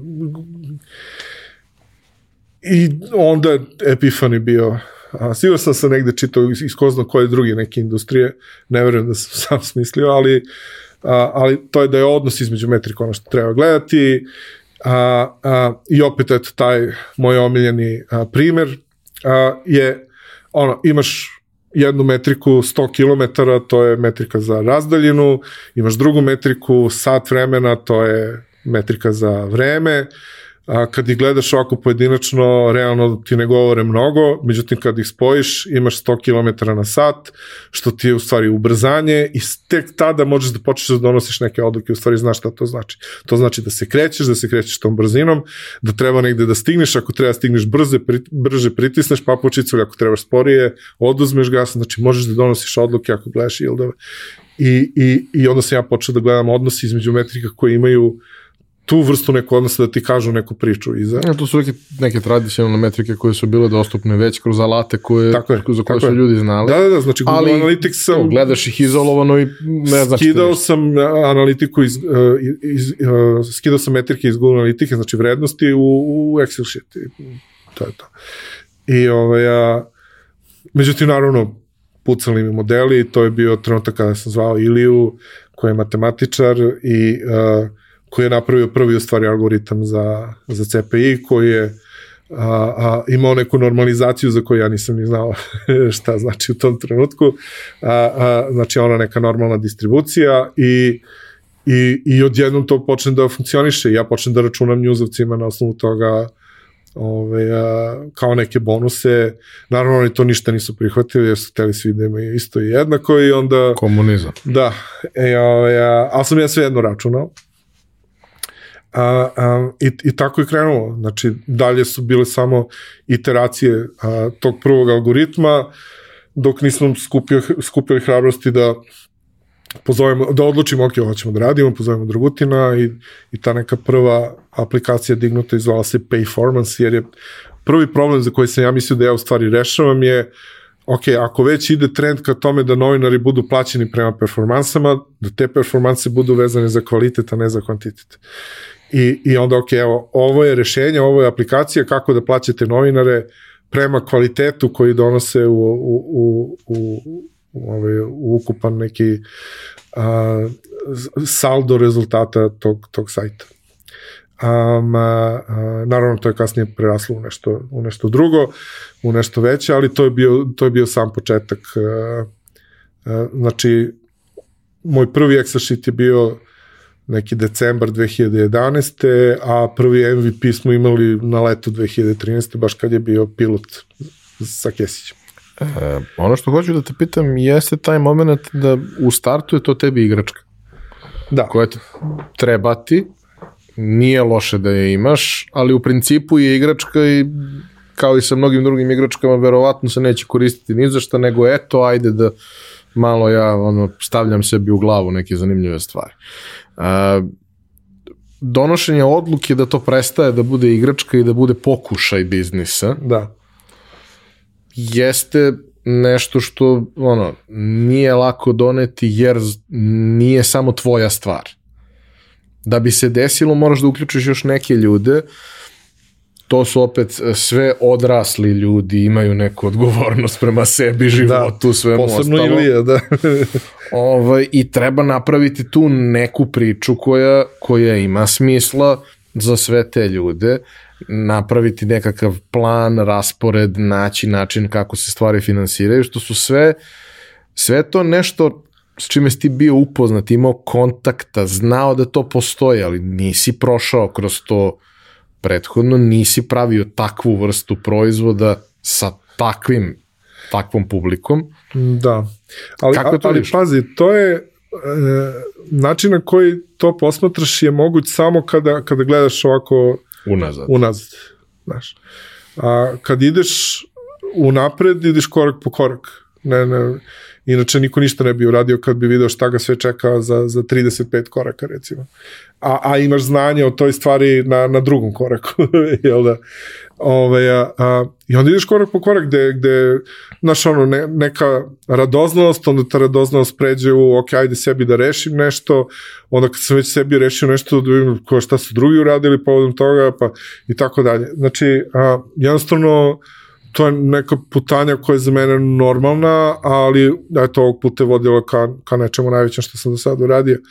Ove, ali um, i, i on, praktično najbitniji korak je bio dolazak Ilije, ovaj, koji je u stvari, jer taj algoritam se u stvari ispostavilo naravno ne ta verzija, nego mnogo iteracija kasnije, se ispostavio da u stvari naš proizvod i dan danas je to naš proizvod. Znači ne aplikacija oko njega, nego samo aplikacije, ma, me, aplikacije je samo distributivni kanal za ono što taj algoritam radi. Ja. I u principu uh, um, jednostavno naš, uđeš u taj neki funnel, taj neki vrtlo koji te, koji te vuče a, i drugo imaš tu, tu neku dozu ludila, neku dozu arogancije i, i gde, gde si spreman da potrošiš neke pare da, da, da sebi dokažeš, da, to jest da sebi pokažeš ok, da li je to to zaista ili, ili nije, da utrošiš vreme u to, a, a, onda utrošiš neki svoj kredit gde recimo priučiš neko kao što je Ilija zato što on misli da si ozbiljan čovjek i da znaš šta radiš razumeš? I onda kao pa dobro ako se on toliko investirao ok ajde ja da neko vreme u to ubacim um, um, i onda tako korak po korak Dragutin posle njega um, ko, koji je već izašao iz, iz Adria Media tada i um, cela, cela, cela ta priča se skockala tako korak po korak. Znaš, ne, ne možeš drugačije osim ako nisi apsu, ako, apsolutno siguran i sa neograničenim resursima i kao je ovo je to. A, a, a, i, i ono, ideš kako, kako možeš. I a, ta validacija da u stvari idemo ka nečemu kako treba je došla tek četiri godine kasnije. A, a, u, znači imposter sindrom kad radiš ovako nešto je užasno jak, baš, baš jak. A, I um, sve vreme ideš taj korak po korak, ali ideš i protiv sebe i svojih sumnji u sebe i I, I onda kad vidiš koja je u stvari veličina problema koji ti na kraju rešavaš, da ti u stvari ne rešavaš problem a, a, a, toga kako će biti novinari plaćeni u budućnosti, nego rešavaš problem razbijenog poslovnog modela trenutno tradicionalnih medija u celom svetu. Razumeš, to je problem koji rešavaš realno.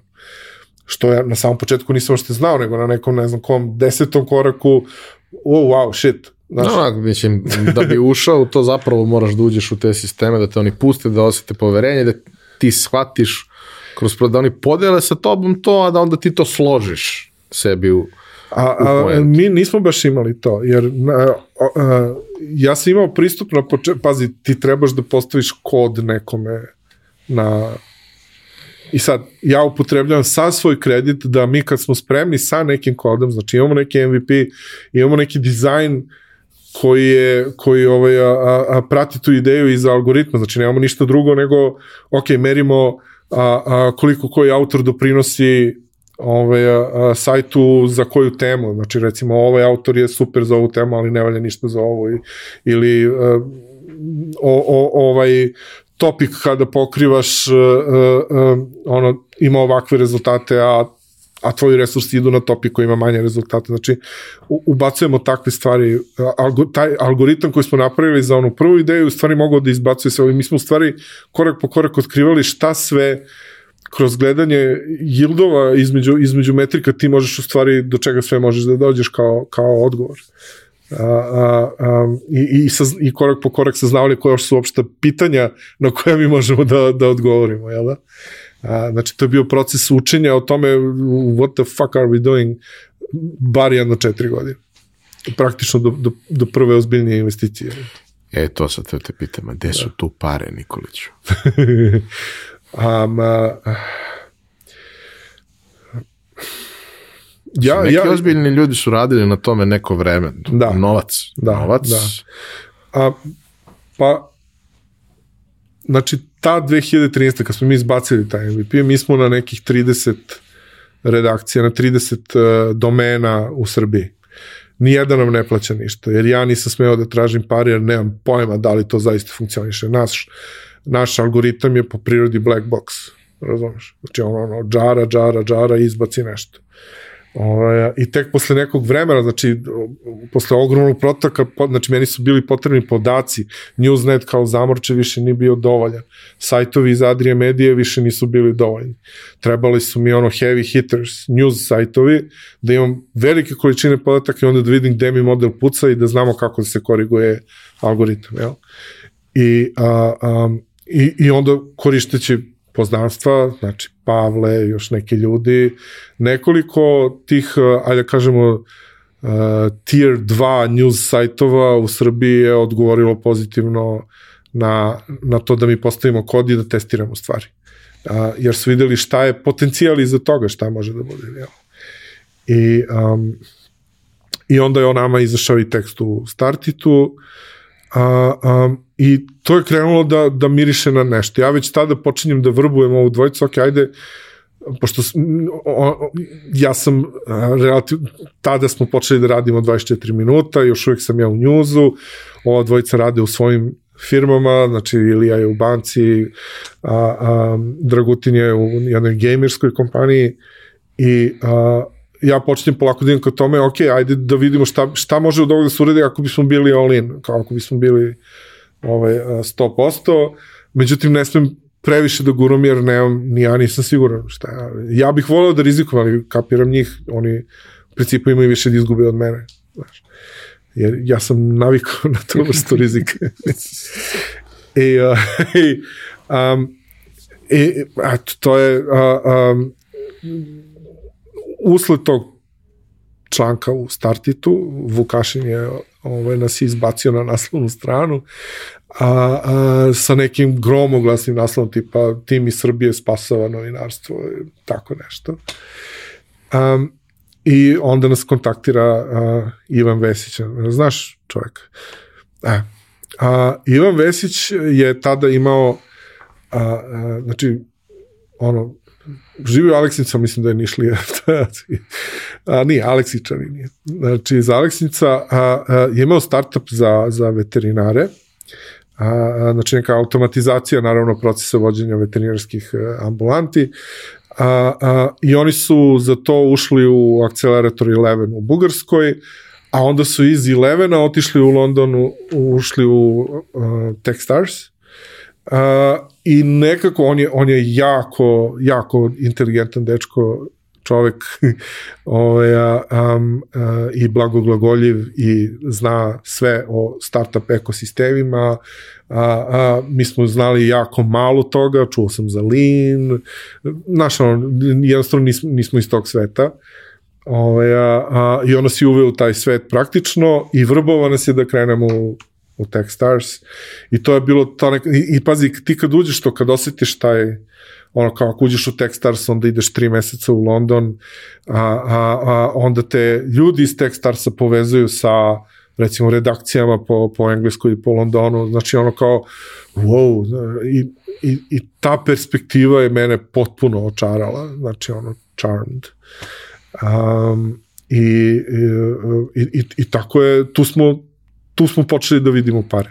Znači, ako mi uđemo u Techstars, ako njihov scout misli da smo mi dobri za Techstars, i posebno kad smo prošli prvi prvi ta, prvu tu rundu upoznavanja gde mi šaljemo video i ne znam o proizvodu i naš, naše CV-eve i sve to i oni kažu ok, vi jeste materijal za Techstars, ajde da uđete u, u proces za apliciranje za, u akcelerator ovaj, um, to je bilo kao neka validacija toga da, da ok, mi možda i radimo nešto što može da se to, tu je počelo razmišljanje o parama u stvari u tom, u tom trenutku. Dobro. I? I šta su bili neki, ajde, mislim, ne moramo da pričamo previše u detalje svaku stvar na tom putu, ali hajde da se... Ti, me, ti me usmeri, ja, znaš, ono... Daj mi neke ključne momente u razvoju Content Insightsa koje su se dešavali. Ok, prvi ključni moment je neuspeh u, u, ulazka u Techstars, a, a, koji je bio onako dosta poražavajući, jer to je, prvi put smo se izložili negde, I taj prvi put je bio ono šamar, jel? You did your best and you failed miserably, the lesson is never try. da, ok. A, a, i, I tu je postojala ozbiljna opasnost da se mi raspadnemo kao ekipa, jer, jer u principu, ok, ako oni nisu videli... Možda ne postoji. Možda ne postoji. Upravo. A, I Vesić počeo onda da me maltretira za Eleven u Bugarskoj. I kao šta sa bu, bu, bu, Bugarsku da idem, znači ono kao nisam otišao u London i sad ću da idem u Bugarsku. I šta uopšte Bugarska ima što Srbija nema, ima mnogo, mislim u tom svetu. A, a, a, i, I da, vidiš kao da nismo ni za šta, ma ne, ajde, ajde, ajde, i kao ajde odemo mi na jedan dan tamo i oni nas dočekaju kao careve, crveni tepih. Kao oslobodioci. Oslobodioci, da, ono, i um,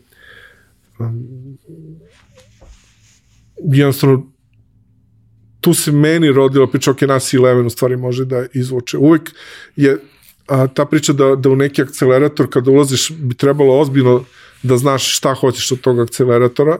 Znači, inače, akcelerator je organizacija koja ubrzava rast samog startupa, time što me obezbeđuje susreti sa investitorima, mentorima, dajem prvu investiciju malu, ali ta mala investicija je mala samo u parama, ali je ogromna u equity, znači dosta jeftino prodaš svoje akcije, ali realno rizik njihov je ogroman. I oni su davali 25.000 evra za 8% i mi smo se spremali za taj pitch i ja sam jednostavno skapirao, ok, ako prođemo ovaj pitch, idemo sva trojica u Bugarsku tri meseca, dajemo otkaze, idemo all in, fuck it, šta god da bude, izađi iz toga.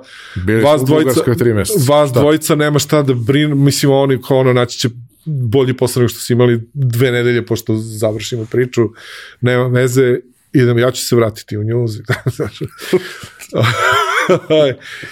a, a, I kao, ok, idemo na pitch, razbijemo pitch, naravno, i, i bud, pri, primljeni u Eleven. I to je u stvari, znači Eleven što se para tiče nije mnogo značio, što se mentora tiče nije toliko mnogo značio, da smo upoznali neki super ljude, upoznali smo i neki ljude koji su sada novi investitori u Smart Octo, tada smo upoznali u Elevenu. Ove, a, a, a, I upoznali smo taj, taj ceo ekosistem, to, to, taj environment, ta, to okruženje koje je oko startup sveta, znači ekosistem koji je a, fantastičan u smislu deljenja. Znači, sa, to, je, to, je, to je bio šok za, uh, onako kulturni šok. a, šok za sistem u smislu gde, gde ti deliš a, informacije sa startupovima koji su na sličnom ra, mestu na razvojnom putu, na sličnom milestoneu i jednostavno pomažete jednim drugima da, da idete dalje da napredete. Znači i, i, i vezano za sledeću investiciju i vezano za proizvod. Znači svi na tom nivou, recimo kad si pre-seed, startup imaju slične probleme. Čak identične, osim ako ne ideš u hardware ili ne znam u government ili tako nešto. Ove, a, a, i, I to je bio prvi prvi bitan milestone za nas. Jer to nas je zbližilo kao tim, otišli smo dole, dali otkaze, konačno raskrstili i, Bugarskoj, i to je bilo morate to. se čuvati. Jasno. Tako je, moraš da čuvaš jedan drugom leđe, jel? jel to. Ove, a, a, a, sa, tih, sa tim parama smo zaposlili Marija, koji je bio prvi zaposleni i prvi prodavac. Znači, prvi naš zaposleni bio prodavac. S tim da mi nismo imali šta da prodajemo sledećih godinu dana, ali je bio sa nama, bio je sa nama u Bugarskoj. Naučio je sve što se da naučiti o, o, ove, o proizvodu i o tržištu i meni je to bilo jako bitno ove, um, jer sam hteo da, da, da, da one ko vodi prodaju da zna na kojoj smo mi misiji. Jer smo mi zaista na misiji ono, spasavanja novinarstva. Ja. A, ili bar spasavanja poslovnog modela tradicionalnih medija. Ja. A, drugi a, milestone je dobijanje prve veće investicije. A, pre toga, u stvari, pardon, drugi milestone je prva, prva mušterija koja nam je plaćala. Znači, prva mala validacija je, je, je bila ovaj, a, a, a, Bože, blokira mi se mozak. Recepti podravka Hrvatska. Kulinarika. Kulinarika, fa. Da, ne mogu se setim to, kod da ne mogu se setim prvog poljubca. Ja. O, a, a, a, znači, kulinarika ono, plać, počeli da plaćaju nam 250 evra za to što smo napravili. Ok, cool. Ajde sledeće digni cenu na 400 da vidimo da će 400 da prođe. Prođe 400. Opet Hrvatski. Znači, mi smo iz Bugarske u Hrvatskoj i Sloveniji najviše prodali, to jest Mario, jel?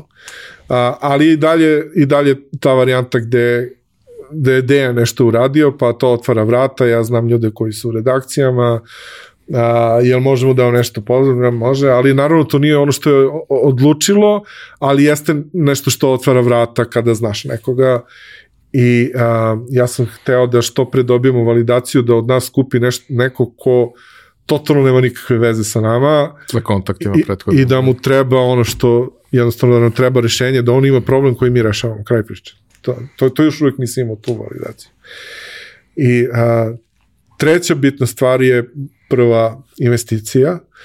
A, znači, iz, izašli smo iz Elevena, uzeli smo maksimalno količinu novca u Elevenu koji smo mogli, dobili smo to na jačinu proizvoda i percepcije o potencijalu samog proizvoda a, a, i na naše poznavanje a, tržišta na kome se nalazimo. A, ove, a, a, na, po istom tom osnovu je prvi institucionalni investitor rešio da investira u nas ali su odlučili, pošto ništa ne znaju o tržištu, nisu ni hteli ni da gledaju proizvod, ono kao da radiš prezentaciju proizvoda ili, kažemo, nemamo, možeš da nam pokažeš šta god hoćeš. Kao mi nemamo pojma o, o medijima, ne radimo to, ali verujemo u vas, verujemo u, u, u vaš tim, međutim zato što ne znamo ništa u tom tržištu, ne smemo baš toliko da rizikujemo. Vaš posao je sada da nađete lead investitora koji zna o tržištu, da investira u vas, a mi ćemo da radimo follow. Znači, oni će da investiraju u vas i mi ćemo da investiramo kada nađete tog sledećeg. Znači, moj sledeći zadatak je bio da nađem lead. Lead je bio North Base Media, a, a, Saša Vučinić, Markus Broukli i oni su lead zato što su potpuno ljudi iz medija i zato što je njihova venture capital firma u stvari okrenuta medioteku, a, znači firma koje podržavaju medije. I a, onda se sklopila ta prva runda. A, e, sledeći milestone je bila bio prva, prva redakcija koja nas uopšte nije poznavala, koju je Mario na nekom sajmu, ja mislim u Kataru uhvatio ove, a, a, Media Huis iz, iz Belgije. A, sledeće je bila a, meni, meni je omiljeni Ringer Axel Springer, zato što je prvi veliki klijent. Onda mi je omiljena što kada mi klijent postala komsomolska pravda, a omiljena je zbog onog teksta kad je Ajkula izašla u njuzu. kad su objavili onu fotku gde su izračunali ruski fizičari kako ovaj, a, šta srpski nemamo? turista... Nemamo svašta. Čega imamo? Fizičara. Fizičara daj napravi daj nešto napravi za medije. To. Nema veze da li je... za novine nešto. Za novine nešto. E. Onda ko zna koji institut im je radio izračunavanje, ono koliko njutna srpska guzica može da spusti na ajkulu i da je onesvesti ili ubije i tako dalje.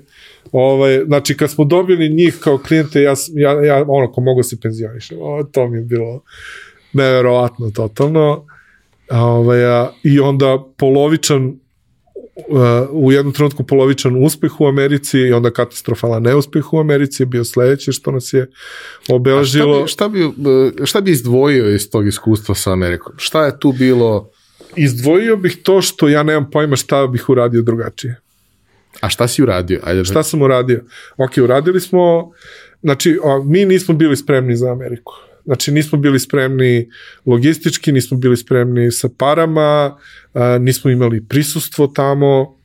Ono što se desilo jeste smo mi bili u Berlinu na konferenciji, A, bili, na, naš glavni lead generation tool je bio sponzorstvo konferencije koje, su, koje održavaju novinarske i magazinske udruženja. Okay? I mi odemo tamo i onda tamo nahvatamo lidove i kasnije uđe u, u, u pipeline i ide obrada i to je to. Da.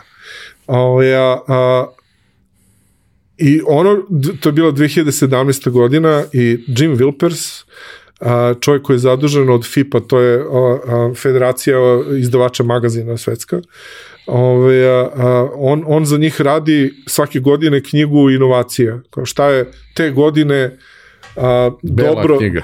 Jest, znači, a, a vezano naravno za rad u redakcijama i opšte to. I on nas na toj konferenciji iz nebuha ne samo što nas proglasi najvažnijim, najvažnijom inovacijom za 2017. nego još tri minuta od svoje prezentacije poseti našem proizvodu sa sve skrinovima i da objašnjava kako, kako, da, da, ono, kako mi na inovativan način, jer, jer mi smo, zahvaljujući a, meni, pošto sam ja kao šestogodišnjak, pa tako moram da vidim podatke, ove, ono što sam naučio iz razgovora sa stotinama, stotinama urednika, jeste da niko od nas ne voli da gleda, dobro, ja volim da gledam brojke, ali ja sam outlier, ove, a, a, da urednici ne vole da gledaju brojke i da zato I ne, ne koriste analitiku i čovjek iz, iz Vodkara, znači to je ono što me potpuno usmerilo, zato nje, taj primjer stalno navodim, znači mi puno ljudi svašta pričalo. A, znači urednik Vodkara a, a, mi je rekao, kaže, ja da sam voleo da gledam u brojke, sada bih imao mnogo bolje plaćen posao. Ne, semafor. Ne, semafor ne trajem, u dashboard. Tako je, semafor za šestogodišnjaki. Crveno ne valja, zeleno dobro. Ako vidiš da je više zelenog nego crvenog, gasi aplikaciju. Razumeš ono, sve je okej. Okay. Ako nešto je baš loše, dobit ćeš alert i onda ajde proveravaj ne znam koliko puta nedeljno ovaj, izbacuju neke izveštaje da ovi gore budu srećni i, i to je to, razumeš? Ali ti znaš šta ti se dešava sa, sa sadržajem, šta gura publiku ka lojalnosti, šta gura publiku ka engagementu i tako dalje, tako dalje. Ah, te anglo-srpske reči. Ovaj, a, um, zašto sam ovo počeo da pričam? Zato da, što ti to bio uvod za me. Inovacija, da. Ove, a, a, I on prikaže to kako mi to u stvari rešavamo te stvari. Ove, a, I a, lik iz NBC-a, znači NBC News, a, ladno ustane u sred prezentacije i kaže gde je ta ekipa, ja moram ovo da imam. I ono, i šta ti sad radiš kad ti VP za inovacije NBC News dođe i kaže ja moram da imam vas, dođite u Washington da nam prezentujete kao da ne odeš u Washington. Mislim, ok, dobar CEO bi možda i rekao, mi nismo sada spremni za vas, doći ćemo vam za tri godine ili ne znam kad. Ali ja to nisam uradio. možda sam loš CEO. A, možda je tu početna greška bila, možda uopšte nismo trebali da prihvatimo takve stvari, ali, ali, ali to je sve lično na takav perfect storm da je meni bilo ono kao fuck, možda je to, to, to ovo je ono, znaš, hockey stick, fuck, znaš, jer jedan taj account uh, ti je kao svi evropski akaunti zajedno, što se para tiče, što se klauta tiče, što se... I svi hoće da imaju ono što ima NBC. E, tako je, znači, samo što smo bili, samo što je Ganet bio u trajalu sa nama, nam je dovuko ne znam koliko demoa. Znači, ono, ljudi koji nismo ni znali da postoje, razumiješ, zvali oni nas. Znači, ono, inbound je od uh, jedan dnevno prešao na deset dnevno, razumeš? O, kao, šta se dešava? Pa trial u Ganetu i onda njihov čovjek na sajmovima priča kako koriste Content Insights uh, u trialu i tako dalje. I onda svi hoće da vide šta je taj Content Insights. Znači, i sa kako, ja nisam znao to da odbijem, razumeš. Možda je sam morao, možda je trebalo. Ono što je moj instinkt bio, ok, ja znam da nismo spremni, ajde da dignem još para pa da se spremimo. razumeš. I onda sledeća runda, milion i po evra, u stvari ukupno 200 kad se sabere i bridge. Ove, a, a, a, I ajmo, ajmo u Ameriku. A, četiri, account, četiri uh, smo odjednom obrađivali, znači četiri su isto vreme praktično bila tokom godine. Toronto Star, CBS, NBC News i Ganet. Ganet je a, a, veliki konglomerat lokalnih novina plus USA Today. Okay.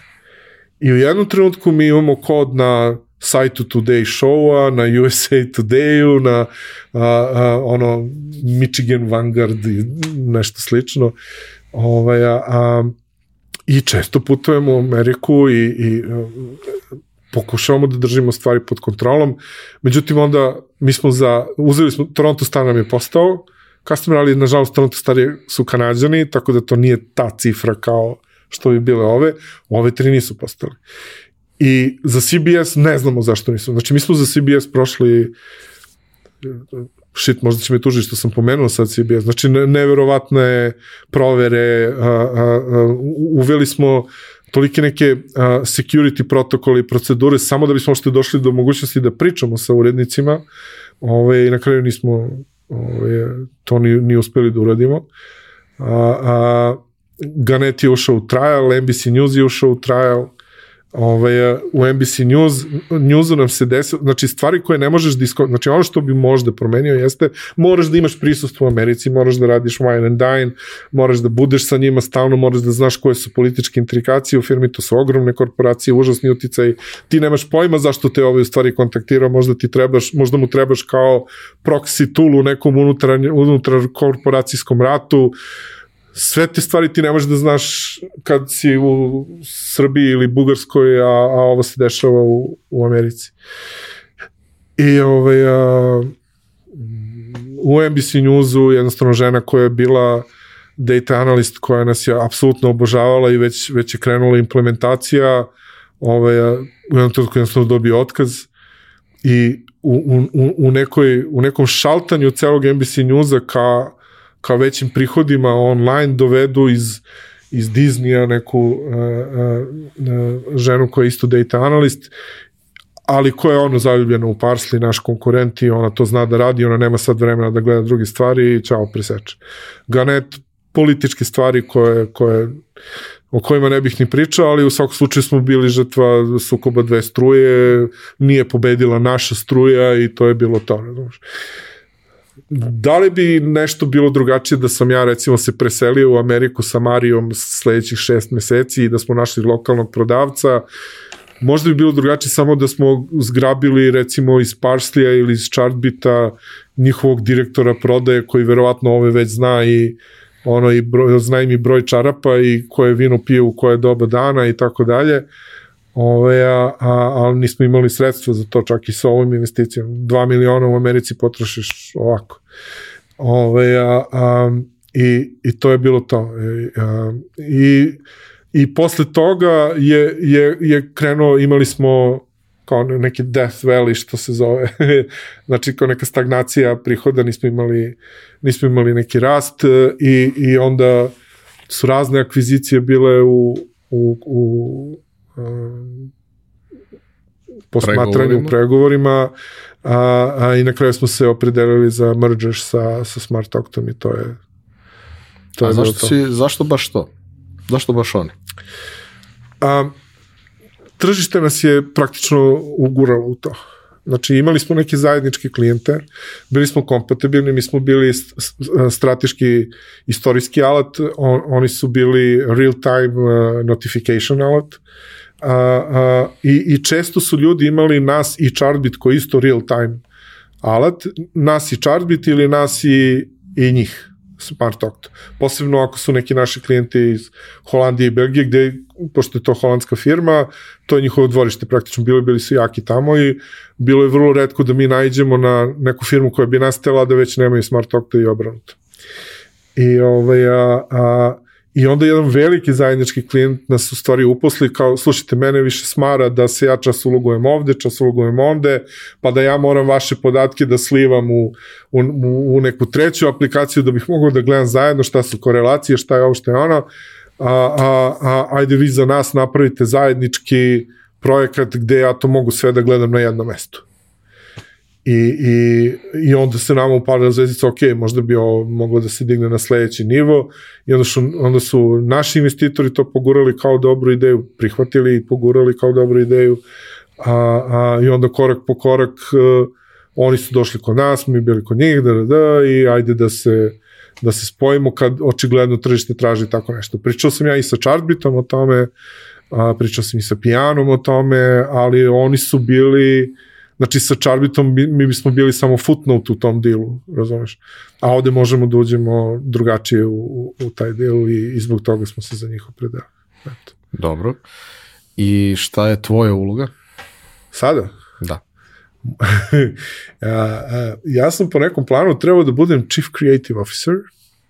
A, u principu ja sam čovjek, čak i kad sam prodavao, znači ja sam taj koji sam zaražavao ljude misijom. Znači neke od zaposlenih, co-foundere, investitore, a, neke od, od naših korisnika, Na, znači jednostavno ja imam taj sjaj u očima, jel da, i to ludilo neko, u stvari tu strast za, za rešavanjem tog problema. I onda smo rešili, ok, mislili da, ok, a, ono što je nama zaista falilo jeste egzekucija. A, bili smo mnogo jaki u, u proizvodu, a, i bili smo mnogo jaki u misiji, ali nismo imali egzekuciju u, u, u, prodaji i, i to neku a, a, a, izbacivanje prodaje iz silosa je bilo jako teško uraditi kod nas. To jest meni je bilo teško očigledno. I u, u, u tom smislu njih dvojica i Smart Octa su doprineli jako toj egzekuciji, proizvod je proizvod funkcionisao kao i uvek. Preuz, naš proizvod je preuzeo njihov proizvod i to se sada radi na jednom mestu ove, i postoje jedan proizvod. A, a, I za mene je jednostavno bilo to kao, ok, ajde ja sam taj onda koji je soul, duša kompanije, jel da, koji će da ide i da, da širi misiju po svetu.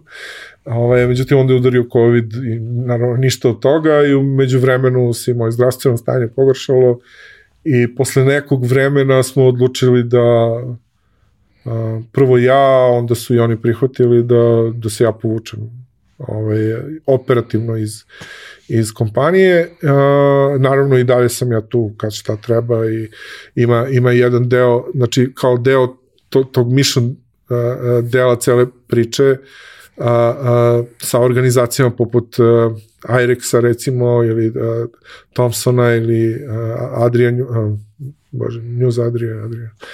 Um, radimo, uh, uh, recimo poklanjamo licence malim medijima, držimo sa njima radionice, radimo takve stvari, uh, da bi znali da prepoznaju a, a, kako, kako mogu sadržaj da pretvore, kako da monetizuju to što rade. A, a, i, i, I to je prilično uznapredovalo i recimo kada sam ja u nešto involviran, involviran sam u taj deo te priče, ali u principu sam operativno ovaj, van i, i, i to je to. Sad ovaj, čekam a, a, kako će dalje da se razvije priča, sam i dalje shareholder, jel da, akcionar. Da, i onda tako obično kad ljudi urade te neke pametne stvari u životu, naprave nešto, naprave novac i to sve, onda odluče da snimaju podcast. pa da, znači, šta kad, drugo? Kad su dokoni i nemaju šta drugo, onda oni odluče da snimaju podcast. Ali ja sam old school, uh, vrlo old school, ja, da, ja sam prvo hteo knjigu da napišem. Dobro. I onda razgovaram sa par ljudi koji su ovde izbacivali non-fiction knjige, Ove, a, a, a, I kao mogu ja to. jer sam hteo da izbacim uh, mislim, mislim da, da, da u, u tom mom putu od recimo skoro znači deseta godina a, a, a, mogu da podelim nešto što može da bude korisno ljudima koji iz Srbije kreću put, putem tog startupizma recimo Ove, a posebno koji idu ka investiciji. Ja, znači, ne znam, bootstrapovanim kompanijama mogu da kažem šta da rade, ali, ali ako ideš ka investiciji znam dosta. I, um, I to sam teo da pretvorim u knjigu i sednem ja i organizujem se sve i onda vidim koliko ti ima posla i kao da fuck it. Nema teorije ja da pišem knjigu. Ove, a, ok, šta je lakše od knjige? Od pisanja knjige, a ono, napraviš podcast. I tako je nastao podcast Founder Friendly. Ove, a, najavili smo ga u prošloj emisiji malo prerano, ove, ali izbacili smo, izbacio sam bio nekoliko epizoda, sad ima 15 epizoda, a, a, tih prvih 20 epizoda će, će pokriti od prvog koraka do poslednjeg koraka ceo taj put od ideje do investicije, a onda posle toga idemo dalje ove, a... anonimni startuperi, anonimni alkoholičari, iskustva ljudi. da, da, da, da. Kako preživiš razne faze i sve to. Da, da, startup biseri. E, šta, bi, šta bi izdvojio? Mislim, ok, e, ideja jeste bila kad smo inicijalno pričali o svemu tome, ideja jeste bila da ti u 20 epizoda ispričaš celu priču, ja, da. ja sam ti rekao da to ne, ne radiš, ali dobro, i da to izbaciš u cigli, ja sam te natero emitovanjem prvog dela da, da to ne bude Bukvalno baš tako. naterao. Pa znači, dobro, šta ja da me nagovorio, nego naterao. Ja sam tebe stavio u situaciju da ne možeš da odbiješ. ok, da, da. ovaj, Što mislim da je zapravo jako dobro je pitanje da li bi se desilo i kad bi se desilo u suprotnom. Ovako si imao neki ono pritisak. Ali ajde ti, uh, naravno, svako ko je zainteresovan pogledat će, poslušat će, proći će ceo taj proces i jeste osmišljeno tako da može da se izbinđuje nisu preduge epizode, da. vrlo su onako jezgrovite, konkretne, imaju vrlo jasnu temu zašto, o čemu su u toj epizodi radi. Tako je ali šta je u par rečenica šta je tih 20 epizoda? Ok, tvoj put, ali šta? A, dakle, a, moj put je deo toga, naravno, a, a, jer ja mislim da se ne može preterano naučiti iz, iz tuđih grešaka. Ja samo ilustrujem nešto o čemu, o čemu pričam pre toga, onim kako smo mi to rešili, recimo. A, ne mislim da... I, i, I čak sam ovo ilustrovao, ja mislim, u jedna od prve tri epizode time kako smo mi pokušali na tuđim greškama da učimo i kako smo imali gori rezultat nego ti ljudi od kojih, iz čih grešaka smo pokušali da učimo. Ove, a, a, a, tako da ja svojim putem to ilustrujem, ali u principu pričam, a, pokušavam da a, bez frazeologije, koliko je gotovo moguće, bez bullshita, bez a, a, a, ikakvih agendi iza, znači ja ne pokrećem sada neki predsjednički klub koji će da vam prodaje ne znam šta ili workshop koji će da se nagrad... Nećeš e-book da imaš ili kurs makar. Da, ako ga budem imao, bit će besplatno. ovaj, a, a, I a, znači pričamo o nekoj temi, recimo kako doći do ideje i sad ja znam kako sam ja došao do ideje i to je za mene bilo super i to sam ispričao i to je legitiman način kako, kako mnogi dobri uspešni startupovi su tako došli ideje, tako što rešiš neki svoj lični problem prvo, a onda skapiraš da drugi ljudi imaju taj isti problem i onda počneš da i njima rešavaš. Da, sigurno postoji još jedna osoba koja ovo treba. tako je.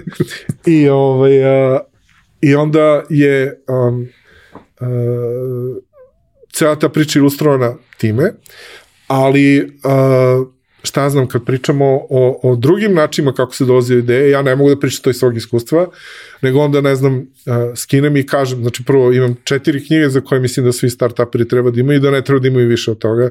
Ja imam barem stotinu knjiga od kojih sam pročitao 37 recimo. Ove, a, a, i, a, ali ove četiri su te koje ja promovišem kroz, a, a, kroz ceo serijal i iz njih vadim uh, a, a, šta recimo neka startup teorija kaže na, na neku temu, kako se najbolje dolazi do ideja. Recimo, a, a, Y Combinator je radio istraživanje kroz sve startupove koji su prošli kroz njih i onda su pravili korelaciju između toga kako je neko došao ideje i da li je taj na kraju uspeo ili nije. Naravno, totalno anegdotalno, ali je zanimljivo. I recimo to stavim, ilustrujem svojim iskustvom i onda stavim neke druge start-upere da, da kažu svoje iskustva i ti kada gledaš celu tu priču izvučeš svoj neki zaključak kako bi recimo ti taj problem ili, ili, ili a, tu temu koju obrađujemo ovaj, pokrio u svom realnom životu jel, da, i da li bi nešto tako. S tim da sam ja otvoren i da ljudi pišu, već se to dešavalo, iako je sva publika koja je do sada dolazila, do, dolazila iz tvog linka, znači u ovom trenutku kada se snima podcast, mi smo pre-launch, ne znam kada će biti objavljen ova epizoda naša, da, ove, ali je moguće da ćemo tada već lansirati da će biti više, ali već imam znači, poruke i pitanja i takve stvari i baš mi je drago da, da će možda oko tog podcasta da se izgradi neka zajednica koja, koja može jedno drugima da, da, da pomogne Ove, jer koliko god da je Srbija napredovala, a, čak i kad smo bili iz, iz Bugarske koja je deo EU, a, a, ako hoćeš da radiš u Americi, morali smo da pravimo firmu u Americi. Znači, američka firma mora da radi sa američkim firmom. Kada se radi, recimo, nešto tako a, a, diskretno kao, kao što je rad sa podacima i tako dalje. Um, e da, sad me to podsjetilo na još jedan uh, jedan vrlo bitan milestone koji nije naš uh, kada je uveden GDPR. Uh -huh. uh, to je jedna od onih stvari, a, a, a, teorija kaže da kad, ako hoćeš da prepoznaš dobru ideju, a, pitanje koje treba da postaviš start-uperu, ako si recimo investitor ili nešto tako, je, ok, zašto baš sad? Šta je to sada omogućilo da se reši taj problem što nije u zadnjih 100.000 godina? Ove, a, a, I način na koji mi pristupamo podacima, jer nas ne interesuje kvantitet, već kvalitet, e, potpuno diskvalifikuje demografske podatke i uopšte podatke o ličnosti, bilo što što može da prepozna bilo koga. Znači, mi smo, pre nego što je postao GDPR, bili GDPR ready, razumeš? I, ovaj, a, a, I to što su nam podaci u Evropi, recimo, nas je pro, posebno nas je proguralo u Nemačkoj da, da, da imamo dobar prolaz. Znači, možda da izedituješ nazad da vratiš u milestone. neka, neka. To je, mislim, bonus koji će ovaj, dobiti oni koji su na slušali epizodu do, do kraja. ovaj, dobro, uh, ja uvek volim da kad imamo nekog novog mladog kolegu podcastera, ja volim da, da dovedem da i da ispromovišem. Da, ovaj, da, Naročito ako je priča nešto što je zaista sjajno, a tvoje iskustvo je neprocenjivo vredno i način na koji si pristupio ovako nečemu je zaista sjajan. Uh, Uh, hvala ti na tome.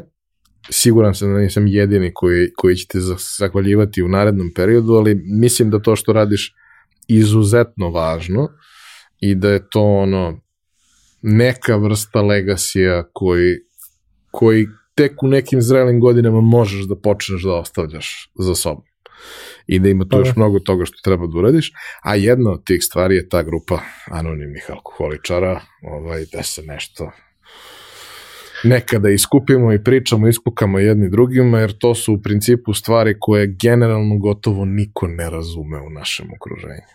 Samo kad se ti ljudi skupe na jednom da. mestu mogu da pričaju ne, ja, to. Ja, primetim, ja, ja sam obično, ljudi mene obično vole u društvu, ja ono, znam ponekad da budem zabavan i, da.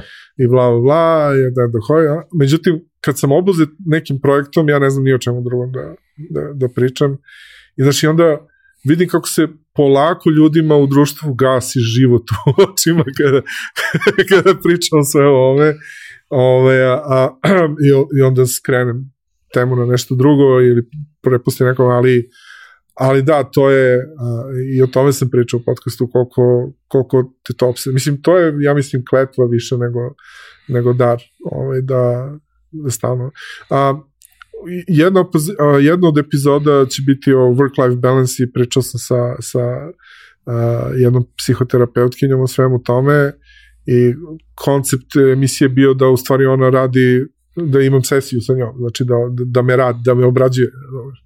Ove, a, a, a, I ispostavilo se da to što ja stalno srljam iz jednog u drugo, iz jednog u drugo, iz jednog u drugo, u stvari a, a, stalna potreba za validacijom sebe. Razumeš da da jednostavno imam potrebu da me ljudi prihvate da ja vredim nešto i da bilo šta što uradim neće zadovoljiti tu potrebu sve dok ono sebe ne ove, a, ne zavolim sam sebe. može neko drugi da ti kaže i ako ti kaže neko ko je ono, ko ti nije bitan, to apsolutno nikakvog efekta neće imati. Ako ti kaže neko ko ti je važan, koga smatraš autoritetom i to sve, neće ti biti sve jedno. Da. Ali neće ti biti dovoljno do onog trenutka dok ti ne kažeš sebi o, ok sam, o, Da. ja znam šta radim. Nisam ja baš toliko... Ne, ta- taj, taj deo se, znači, ono, ja mislim da više nikad neće imati imposter sindrom, znaš, ove, ali, a, a, ali da, čisto sumnjam da će ovaj podcast biti poslednje što, što radi. Uh, mladi podcaster u Nikoliću, founder friendly podcast, na YouTube-u, a nadamo se uskoro i na svemu ostalom kad bude bio spreman za, za Da, uradit ćemo audio distribuciju uskoro. Ovaj, hvala ti što si podelio ovu i onu prethodnu priču, prethodni deo priče. Da, da. Prethodno je bilo Game of Thrones, ovo sada je dinastija.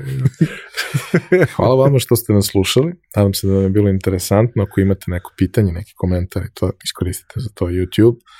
To bi bilo to za ovu nedelju. Mi se vidimo ponovo naredne.